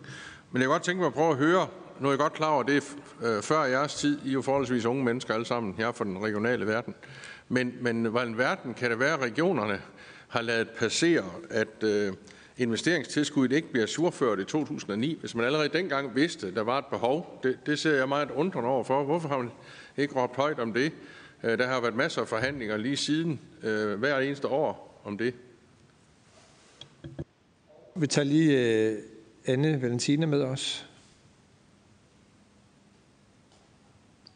Ja, tak. Undskyld, der er kirkeklokker i baggrunden. Jeg håber ikke, I kan høre det. Øhm, tusind tak til, til jer for det her oplæg om Østbanen. Det er jo en sag, som, øh, som ligger mig utrolig meget på sinde, og øh, som ligger SF utrolig meget på sinde. Ikke kun Østbanen selvfølgelig, men lokalbanerne generelt. Og jeg er fuldstændig enig i, at borgerne skal ikke tages som gissel i det her. Det er også derfor, at vi i SF er lidt trætte af lige præcis den talkrig, øh, som du henviser til, Heino, øh, og at øh, aben bliver skubbet lidt rundt mellem forskellige ministre. Øh, jeg kunne godt tænke mig at høre jer, hvor meget skal I bruge til at redde Østbanen? Rent økonomisk, hvor meget kan I selv stille med, og hvornår skal I senest have de her penge udbetalt, hvis man skal nå at redde den her bane? Og så vil jeg gerne spørge til, hvor, hvor store passagermængder taler vi om, der mister deres daglige øh, transportform, hvis den her bane ikke fungerer? Godt. I øh, får lov til at svare og bestemme selv. Værsgo. Ja, tak for det. Øh, tak for rigtig gode øh, spørgsmål, og i øvrigt øh, tak, Christian. Jeg er meget enig og glad for, at der er taget initiativ til den her høring, netop for at få fakta på plads, som jeg så må sige. Og hvorfor ikke er surført? Jeg kan, som du selv siger, så kan jeg ikke hele historikken nødvendigvis, fordi jeg ikke selv har, har siddet med ved bordet, men jeg kan i hvert fald sige, at de seneste år har det jo været skrevet ind i vores økonomiaftaler, Øh, både sidste gang og forrige gang, øh, fordi det har været på linje. Vi har faktisk gået med to øh, øh, spor øh, ønsker til puljer. Det ene det var en generationsforureningspulje, øh, som også er sådan en, hvor man skal kanalisere pengene derhen, hvor behovet er, og den anden var en pulje til renovering af lokalbanerne. Og, øh, og det, der lykkedes for os med at komme igennem med i økonomiforhandlingerne øh, de senere år, det er en tekst, hvor vi har noteret os, at de har det her problem, og, og det har vi så holdt fast i. Den tekst skulle vi have, øh, fordi så er der trods alt en, en lille anerkendelse af, at der er en udfordring, men det er så langt, vi har kunne komme. Når jeg spørger på historikken, så, så får jeg i hvert fald at vide, at det er noget, man har bragt op løbende, netop fordi det ikke har været, øh, været asurført. Så det tror jeg er det, det svar, jeg kan give på, på det. Øh, og Anne, øh, tak også for gode spørgsmål her. Øh, økonomi for at redde banen. Altså jeg kan sige, i forhold til Østbanen specifikt, så hvis vi skal lånefinansiere de her 510 millioner kroner øh, over øh, de lånemuligheder, der har i dag på 25 år, så vil det koste 23 millioner kroner om året i afdrag. Og det er jo krone til krone det, vi skal spare på vores budget. Altså det vil sige, for hver krone, jeg skal afdrage, så skal jeg ud og spare det på den kollektive trafik andre steder i Region Sjælland, for eksempel på busruter eller på andre lokalbaner. Så er der en mulighed for, øh, kan jeg forstå, at vi kan søge om at få lov at låne over 40 år, og det kan jo være en del af løsningen. Så vil vi komme ned i noget, der ligner 15 millioner kroner i øh, årligt afdrag, øh, men stadigvæk en ret stor, ikke et ret, et kæmpe stort indhug i borgernes kollektiv trafik, fordi 15 millioner kroner, det er rigtig mange busafgange. Men det er de, den økonomi, som vi, som vi kigger ind i. Og så øh, beklager jeg, at jeg ikke fik sagt det med passagererne i indlægget, men det er 1 million passagerer, plus 1 million passagerer, skulle jeg til at sige, altså over 1 million passagerer, der er på Østbanen øh, årligt, så det er ikke, det kan godt være, at når vi laver de samlede tal, at lokalbanerne står for en lille del af, af den samlede passager, øh, øh, det samlede passagerantal på, på jernbanestrækningerne, øh, men det er stadigvæk rigtig, rigtig mange borgere, der er afhængige af, af den her øh, enkelte øh, lokalbane. Tak. Ja, inden du får lov til også, jeg havde faktisk også et spørgsmål fra Carsten øh, Kismar. Værsgo. Ja, det, det er også en kommentar til økonomien. Nu øh, indledte jeg med lige at sige lidt om regionernes økonomi. Og det, jeg bemærker mig, er jo, at ministeren bruger bloktilskudsnøglen som en del af finansieringen. Og der bliver jeg nødt til at sige, at bloktilskudsnøglen er altså temmelig arbitrær. Der er masser af forskellige faktorer, der spiller ind. Og jeg kan sige, at øh, nu spiller lokalbaner ind, øh, men øh, det gør antal biler per kilometer vej også. Og regionerne har altså ikke noget med veje at gøre. Noget, der ikke spiller ind, det er faktisk antallet af forurenede grunde, spiller ikke ind, men vi har ansvaret for forurenede grunde. Og sådan er der en hel masse faktorer i bloktilskudsnøglen, som har en arbitraritet i sig. Og det vil sige, det er sådan set bare den måde, man har fundet ud af, hvor stor en pose penge giver man til regionen. Og der har man brugt nogle nøgler, men de er ikke adresseret til de specifikke opgaver, men det har været en del måde at fordele omkostningerne på. Så derfor, øh, det argument øh, er vi ikke særlig lydhøre over for. Tak. Godt. Øh, og så får du også lige lov til, Annette, værsgo. Det var bare helt kort, for jeg tror ikke, du nåede at, at sige det. Det var det her med, hvornår vi senest havde brug for de her penge. Og, øh, og det er til juni øh, er det afgørende for os at vide det, for ellers så kan vi simpelthen ikke komme i gang. Øh, og så ender vi med ikke at have en østbane. Så det, det, er, det haster. Og, og det her med at, at, at snakke biler og veje, det er bare heller ikke en mulighed, fordi vejene er i forvejen så belastet på stævn, så det er ikke en mulighed at putte folk over i bilerne, de sidder i kø i forvejen. Tak for det. Og så går vi videre til næste øh, og sidste oplægsholder, som er Arne Legård, som er bestyrelsesformand for Midtjyske Jernbaner AS. Værsgo. Tak. Jeg ved, der kommer et eller andet slice op, men uh, tak fordi, at uh, vi må være med her i dag og fortælle lidt om, uh, hvilke udfordringer vi har, og hvilke ting vi er i gang med. Jeg skal lige... Hvordan får vi den her frem? Åh, oh, der var den. Ja, godt. Så skal vi tilbage. Uh, vi er jo den vestlige bastion af, af lokalbaner, hvor vi har banen fra Typerøn til øh, uh, Vem, og så har vi lige overtaget driften af banen fra Holstebro til Skjern. Og her en gang til sommer øh, overtager vi uh, infrastrukturdelen på Varden og Nebel Vestbanen, så altså der kommer nogle nye tiltag omkring Vestjyske Jernbane. Det er også nødvendigt for at have et eller andet volumen og kan køre det, fordi at, uh, vi var blevet for lille. Vi har jo Øjerbanen på et tidspunkt også, som blev overdraget til Aarhus Letbane, som var en del af det. Og når, når vi nu kommer til at snakke uh, vedligeholdelse lige om lidt, så var vi jo med den gang, hvor man brugte 1.500 millioner på Øjerbanen, som står som lån i dag. Og nu har vi lige lavet uh, indkøbe nye tog, tog til hele området derovre, og også lave elektrificering øh, i de områder.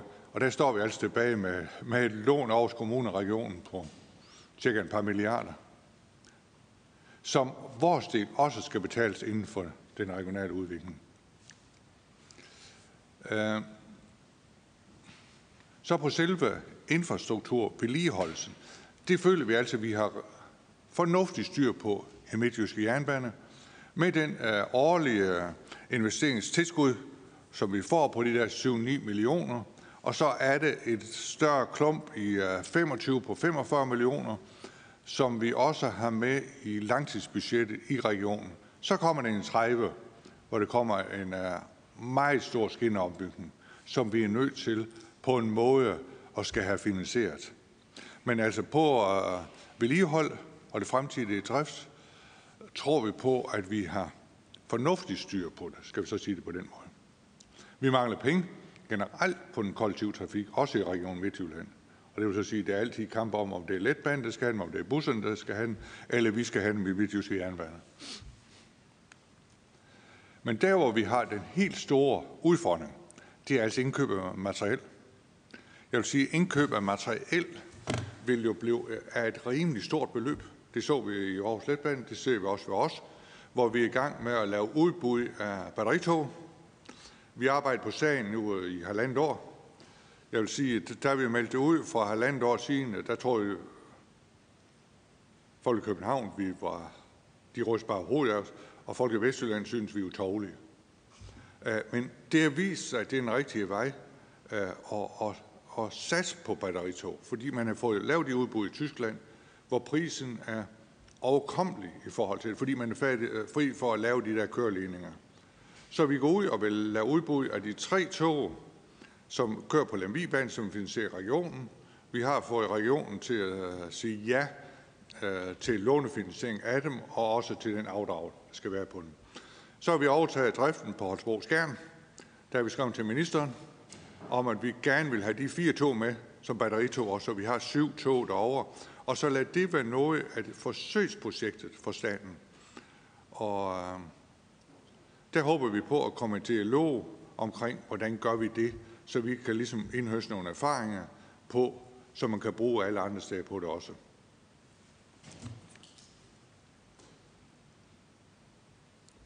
Der skal, der skal selvfølgelig øh, investeres i lagerstruktur og lignende. Der har vi også været inde på nogle af de, af de store spillere, som, som gerne vil med til, hvordan afprøve så det. Der er både vores lokale elselskab, der er, der er, er andre selskaber, som godt vil med ind og se, hvordan er det, vi gør det. Så har vi et hele omstringen øh, grøn teknologi, også på, øh, på godset. Og der har vi selvfølgelig været ude at se på, kan man skaffe et ordentligt stort lokomotiv, som kan trække de der godstog. Det kan man også. De er i gang med at producere dem og udvikle dem. Så altså skal vi køre gods på banen også, og det skal vi. Det skal selvfølgelig også være med, med batteri, øh, tog eller andre. Øh, det kan være brint. Vi har, jeg har været med til mange gange de sidste 10 år at diskutere brint på i busser og producere brintalignende. Men det, det er ligesom lagt lidt død, og når vi snakker med, med øh, togproduktion, og også dem producerer busser, de er ikke klar til det endnu. De siger, at det er batteri tog nu, det er nok også batteritog uh, øh, busser eller uh, bio, diesel eller biogas. Uh, med uh, godset, der ligger vi i et område, hvor, skal vi sige, hvor der vil blive produceret meget grøn energi, og, og vi tror på, at vi kan komme til at, at fragte noget af det fremover også Power2X og, og alle de ting der. I dag der kører vi fra Keminova, hvor altså giftstofferne kører på banen, og det vi gjort i mange år, det gør vi stadigvæk. Vi håber på, at vi kan komme til at køre mere fra, fra havnen og så videre.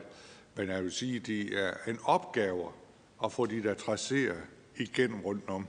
Både med Banen Danmark og andre, hvordan er det, vi får lov til at, at bruge det, så vi skal køre alle ting fra klokken 1 til klokken 2 om natten. Det var mit uh, korte indlæg uh, omkring det, men uh, det er åbent for spørgsmål. Tak for det. Det var meget fornemt. Uh, nu kigger jeg over på, uh, på Christian, som vil stille et spørgsmål, og så uh, går vi videre til, uh, til uh, lidt bredere bagefter. Værsgo, Christian. Ja, jeg har jo fornøjelsen selv at kende jeres jernbane ret godt deroppe ved LTJ, kendt fra tørfisksangen. Men, men øh, du var inde på, på noget interessant, nemlig potentialet i gods. Og jeg har jo godt set de store grusbunker, der ligger oppe i Typerøn, som jo skal ind og bruges rundt omkring i landet ved forbindelse byggeri og sådan noget. Og der er et stort potentiale for jernbanen. Men du nævnte det der med, at det er svært at få, få øh, slots her, det, eller køretid på sporene på det øvrige net, når man skal ud i resten af Jylland eller Fyn, eller hvor man skal hen med det her grus. Øh, er det ikke et vilkår, hvis vi vil have gods på banen, øh, samtidig med, at vi også vil have passagertog, der kører regelmæssigt, at man må leve med, at de kører om natten, de godstog. Er der noget til hinder for, at de kører stille og roligt om natten rundt og leverer? Vi har lige uh, Anne Valentina med os. Værsgo, Anne.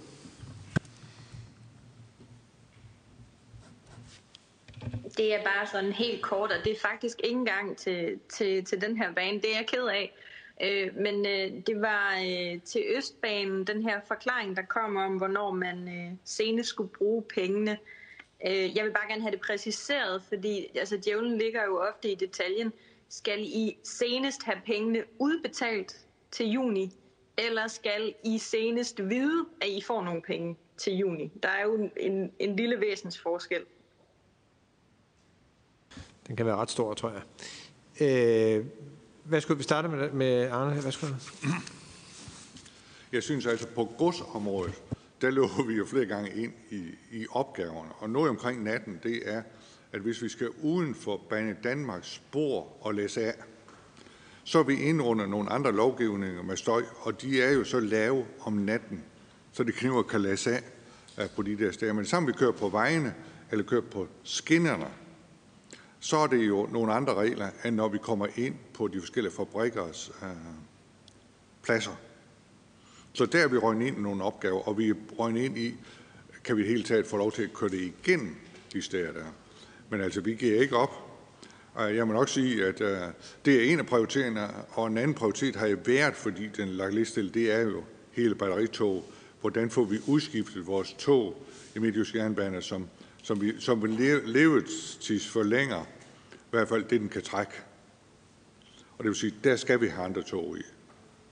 Vi har jo dieseludbud af tog, hvor, øh, hvor vi øh, slettede for to og en halv år siden, heldigvis, ellers havde vi fået leveret tre dieseltog i dag. Og det er vi sådan set glade ved, at vi var nødt til det, og så vente på noget andet. Og så har vi hele øh, strækningen, vi har fået fra Holstebro Skjern, det trækker lidt ressourcer ud i, i så lille en organisation, som vi har. Men vi skal nok klø på. Tak. Øh, og så ved jeg ikke, om I vil svare på det andet. Jo, øh, meget gerne.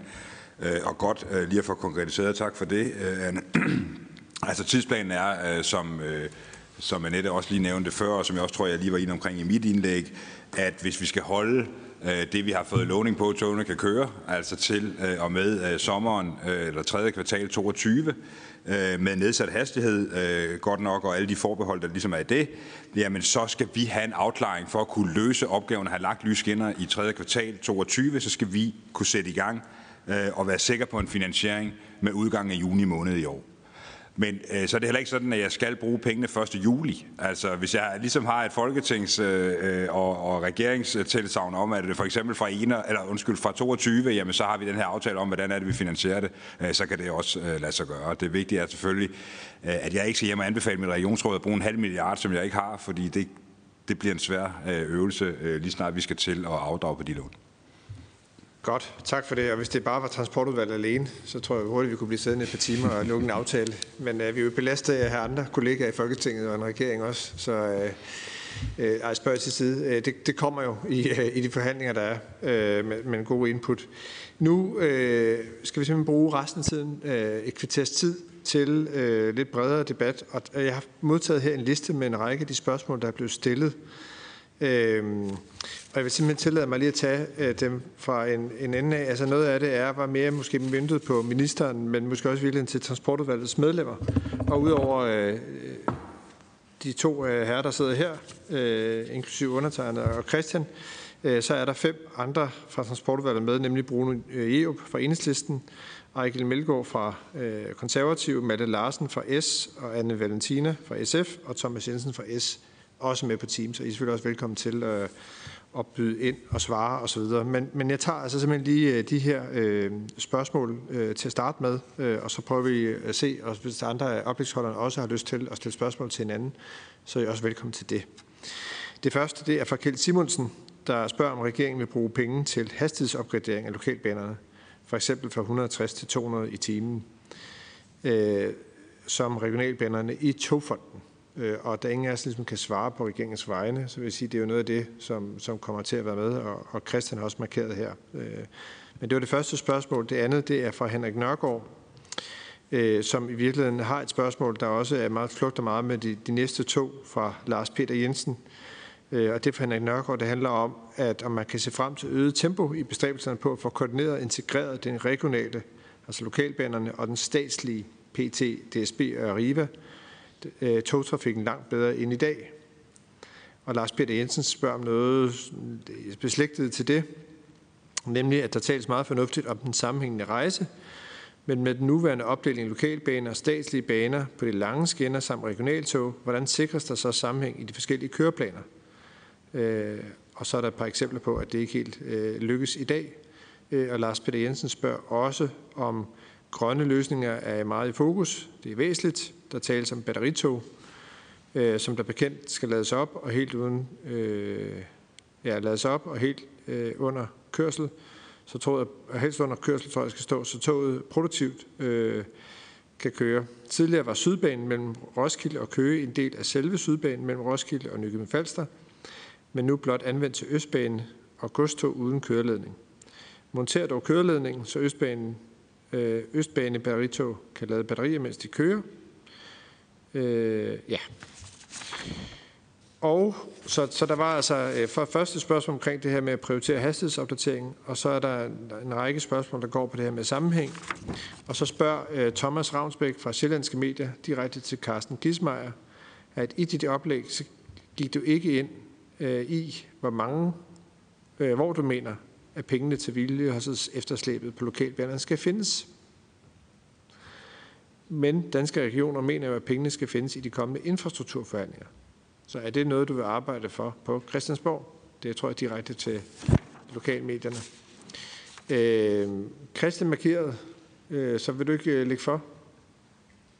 Ja, jamen tak for spørgsmålet. Øhm, det første det er jo så stillet til regeringen, så det kan jeg god grund ikke svare, i hvert fald ikke på regeringens vegne, men jeg kan bare sige, at det der med at lave hastighedsopgradering på, på sidebanerne, det er der politisk fokus på.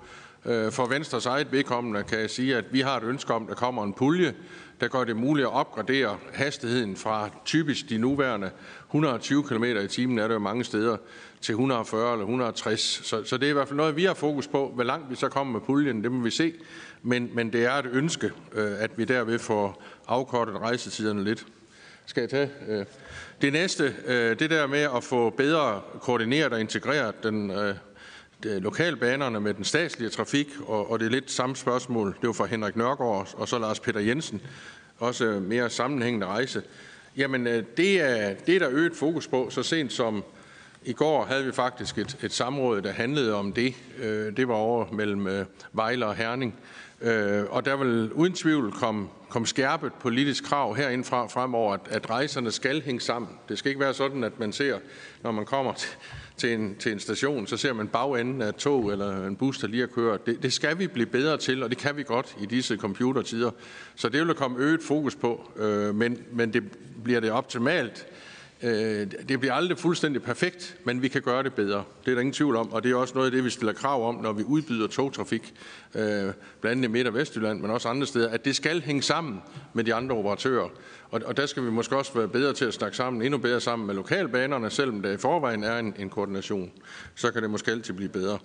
Så er der det der med øh, om køreledning på, på Sydbanen. Øh, Øh, det er, det er ikke noget, der har været op at vende i den grønne trafikkreds, kan jeg sige. Øh, mig bekendt ligger der ikke et projekt på det, øh, men jeg noterer mig med forslaget her, som, som det ligger.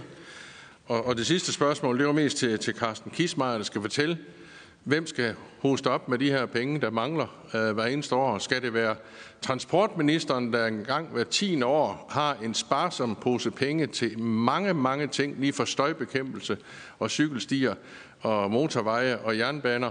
Det er ved 10 år, der bliver fordelt penge, eller skal det øh, være en del af de årlige penge, der kommer fra, fra finansministeren? Jeg ved jo godt, hvad jeg mener. Det er ikke nogen hemmelighed, jeg har meldt ud. Det, det er en sag for finansministeren at få bragt balance i det her for den hver tid siden regering. Men øh, det er jo egentlig stil til, til Kismeier. Men det er jo flink, at der lige hjælpe din partifælde med at, øh, at svare på spørgsmålet. Sådan tror jeg næsten, vi kunne høre det. Øh, og så vil jeg også bare sige på vegne af transportudvalget, altså i forhold til de spørgsmål, der handler om integration, og Christian var noget inde på det. Altså vi har en række eksempler løbende til drøftelse. Øh, et af det mere sådan også konkrete fra min egen baghave var, da DSB foreslog at nedlægge øh, en station ude i Bagsvær, Skovbrydens station. Med det argument, jamen så kunne man jo bare have busbetjening. Øh, nu lykkedes det så at bevare stationen, og det var meget heldigt, fordi samtidig forsvandt den busbetjening. Altså, der er løbende øh, Øh, udfordringer i sammenhængen mellem de forskellige transport- øh, og trafikselskaber, øh, og de beslutninger, der bliver truffet både på statsligt niveau, på regionalt niveau og på kommunalt niveau.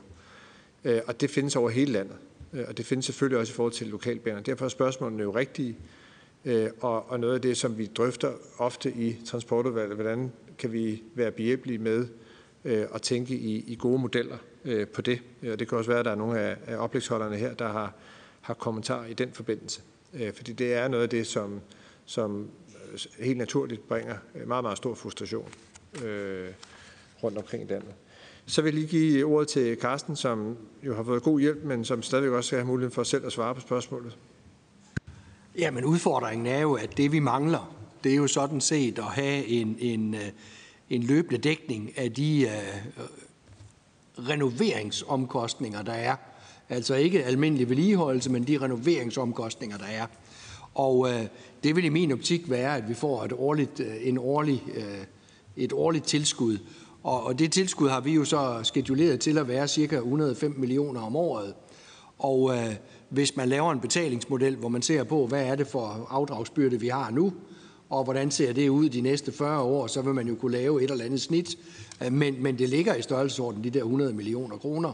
Og øh, øh det, hvis det kommer ind i en, i en 10-årig forhandling, en gang hver 10 år, hvis det så kikser, så kan man sådan set sige, så har man en stor ulykke. Og vi er lige ved at ramme en stor ulykke nu. Så, så en årlig model, øh, det vil være det, vi går efter.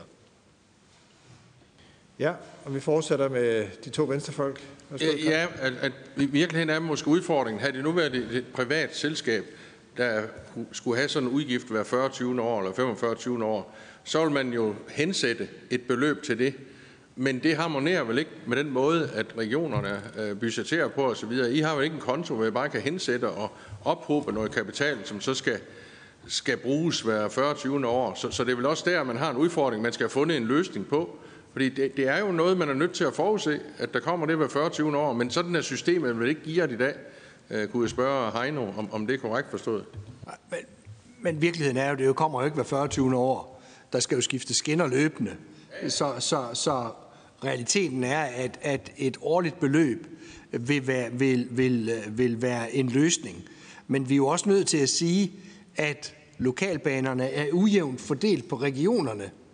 Og, og, og selvom man nu har den der nøgle, jeg, jeg sendte lige et billede af nøglen til Christian, og der er alle mulige faktorer inde, øh, som øh, antal indbyggere over x år, og jeg ved ikke hvad. Og, og det, det, det, er jo, det er jo nogle arbitrære nøgler, og derfor øh, kan man overveje, hvordan modellen skal laves, og Region Sjælland sidder jo entydigt på, øh, på, på en relativt stor del af lokalbanerne. Og, og det, det, det synes jeg, det må man putte ind i en økonomiforhandling. Ja, og Heino, og så har jeg da noteret Arne. Øh, ja, men øh, det, det er meget relevant, øh, Christian, det du, det du bringer op, øh, fordi man kan sige, vi laver økonomiaftaler hver år med udgangspunkt i, at de penge, de skal bruges næste år. Øh, altså, det vil sige, hvis vi, kan, øh, hvis vi får lovhjemmel til det, så kan vi jo spare op. Lige nu har vi jo et udgiftsloft, og siger, at vi skal, vi skal bruge de her penge, øh, og øh, helst hverken mere eller mindre, øh, om jeg så må sige. Så den øh, logik kan vi jo sagtens lægge ind, øh, men, øh, men så skal vi jo øh, have en anden finansieringsmodel, øh, hvor der så også er plads til at spare op. Og det er jo derfor, jeg nævnte det her med skatteprocenten, bare for at sige, det vil man jo kunne i den situation, hvis man havde mere frie rammer, for så kunne vi jo simpelthen regulere på det og sige, vi får en udgift om 10 år, eller om 20 år, eller om 30 år, hvordan får vi sparet op øh, til den? Men det er ikke muligt øh, med den øh, situation, vi har i dag. Øh, så, så det er nok det sådan helt korte og kontante spørgsmål, eller undskyld, svare på det. Godt. Øh, Arne, værsgo. Vi vil meget, meget gerne være med i en diskussion om, hvordan får man de der køretider til at passe sammen. Da vi overtog strækningen Holstebro-Skjern, der har vi et tog, som kommer ind i Holstebro. Den kommer tre minutter før toget kører videre til København. Den kan ikke komme med i rejseplanen, for der skal være fire minutter. Og, og så sagde jeg, så finder vi det bare den ene minut på strækningen. Det, må, det er der ingen problem. Vi er der bedre end de andre. Det må jeg ikke sige, Banen Danmark, det tager den 10. Øh, så, så vi er nødt til at komme ind og diskutere det der. Vi vil have to tog til over i dag, øh, hvor vi kom til Herning, hvor øh, togføreren meget pænt sagde, ved du at toget til Aarhus, den går om et øjeblik på spor 2. Der er også kun tre minutter imellem. Og den er heller ikke med på rejseplanen. Så vi er nødt til at finde ud af, hvordan er det, vi får det her lavet lidt mere fornuftigt. Og der står vi meget gerne med til at sige og, og kigge på det. Godt, tak for det. Jeg kan godt love på transportudvalgets vegne, at øh, det vil vi meget gerne have input til, øh, og vi vil meget gerne afholde en øh, høring øh, med det øh, formål, øh, og få sådan nogle helt konkrete indspark rundt omkring landet til, hvordan, hvor er problemerne, øh, og hvad er løsningerne, og er der et eller andet byråkratisk øh, svar, som det du skitserer, øh, så vil vi rigtig gerne beskæftige os med det, fordi det er noget af det, der virker komplet uforståeligt for mange, øh, og hvis vi kan være behjælpelige med at sætte fokus på det, øh, så gør vi det gerne.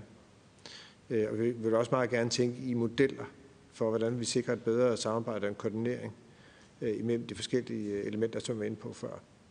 Så, så det er faktisk noget det, vi har drøftet, og vi vil tage fat på, og, og det vil jeg også gerne markere i, i dag, både over for oplægsholderne og de øh, tilhører, der også er med. Øh, vi er faktisk i en situation, hvor klokken er 16.30, og øh, jeg kigger over, at der er ikke øh, flere øh, spørgsmål, øh, vi i hvert fald sådan, som sådan. Øh, og det vil vi faktisk tillade mig at runde af øh, ved at, at takke for øh, rigtig, rigtig fine oplæg, meget konkrete, øh, og dermed også øh, meget brugbare. Øh, og det er altid rart, når vi holder sådan nogle høringer, øh, at, det bliver, at det bliver ekstremt konkret. Øh, jeg synes faktisk, det var Øh, det udviklede sig også godt i forhold til hele diskussionen omkring økonomi, øh, fordi det er jo noget af det, der er selvfølgelig drivende som alt andet øh, for, hvordan det her går.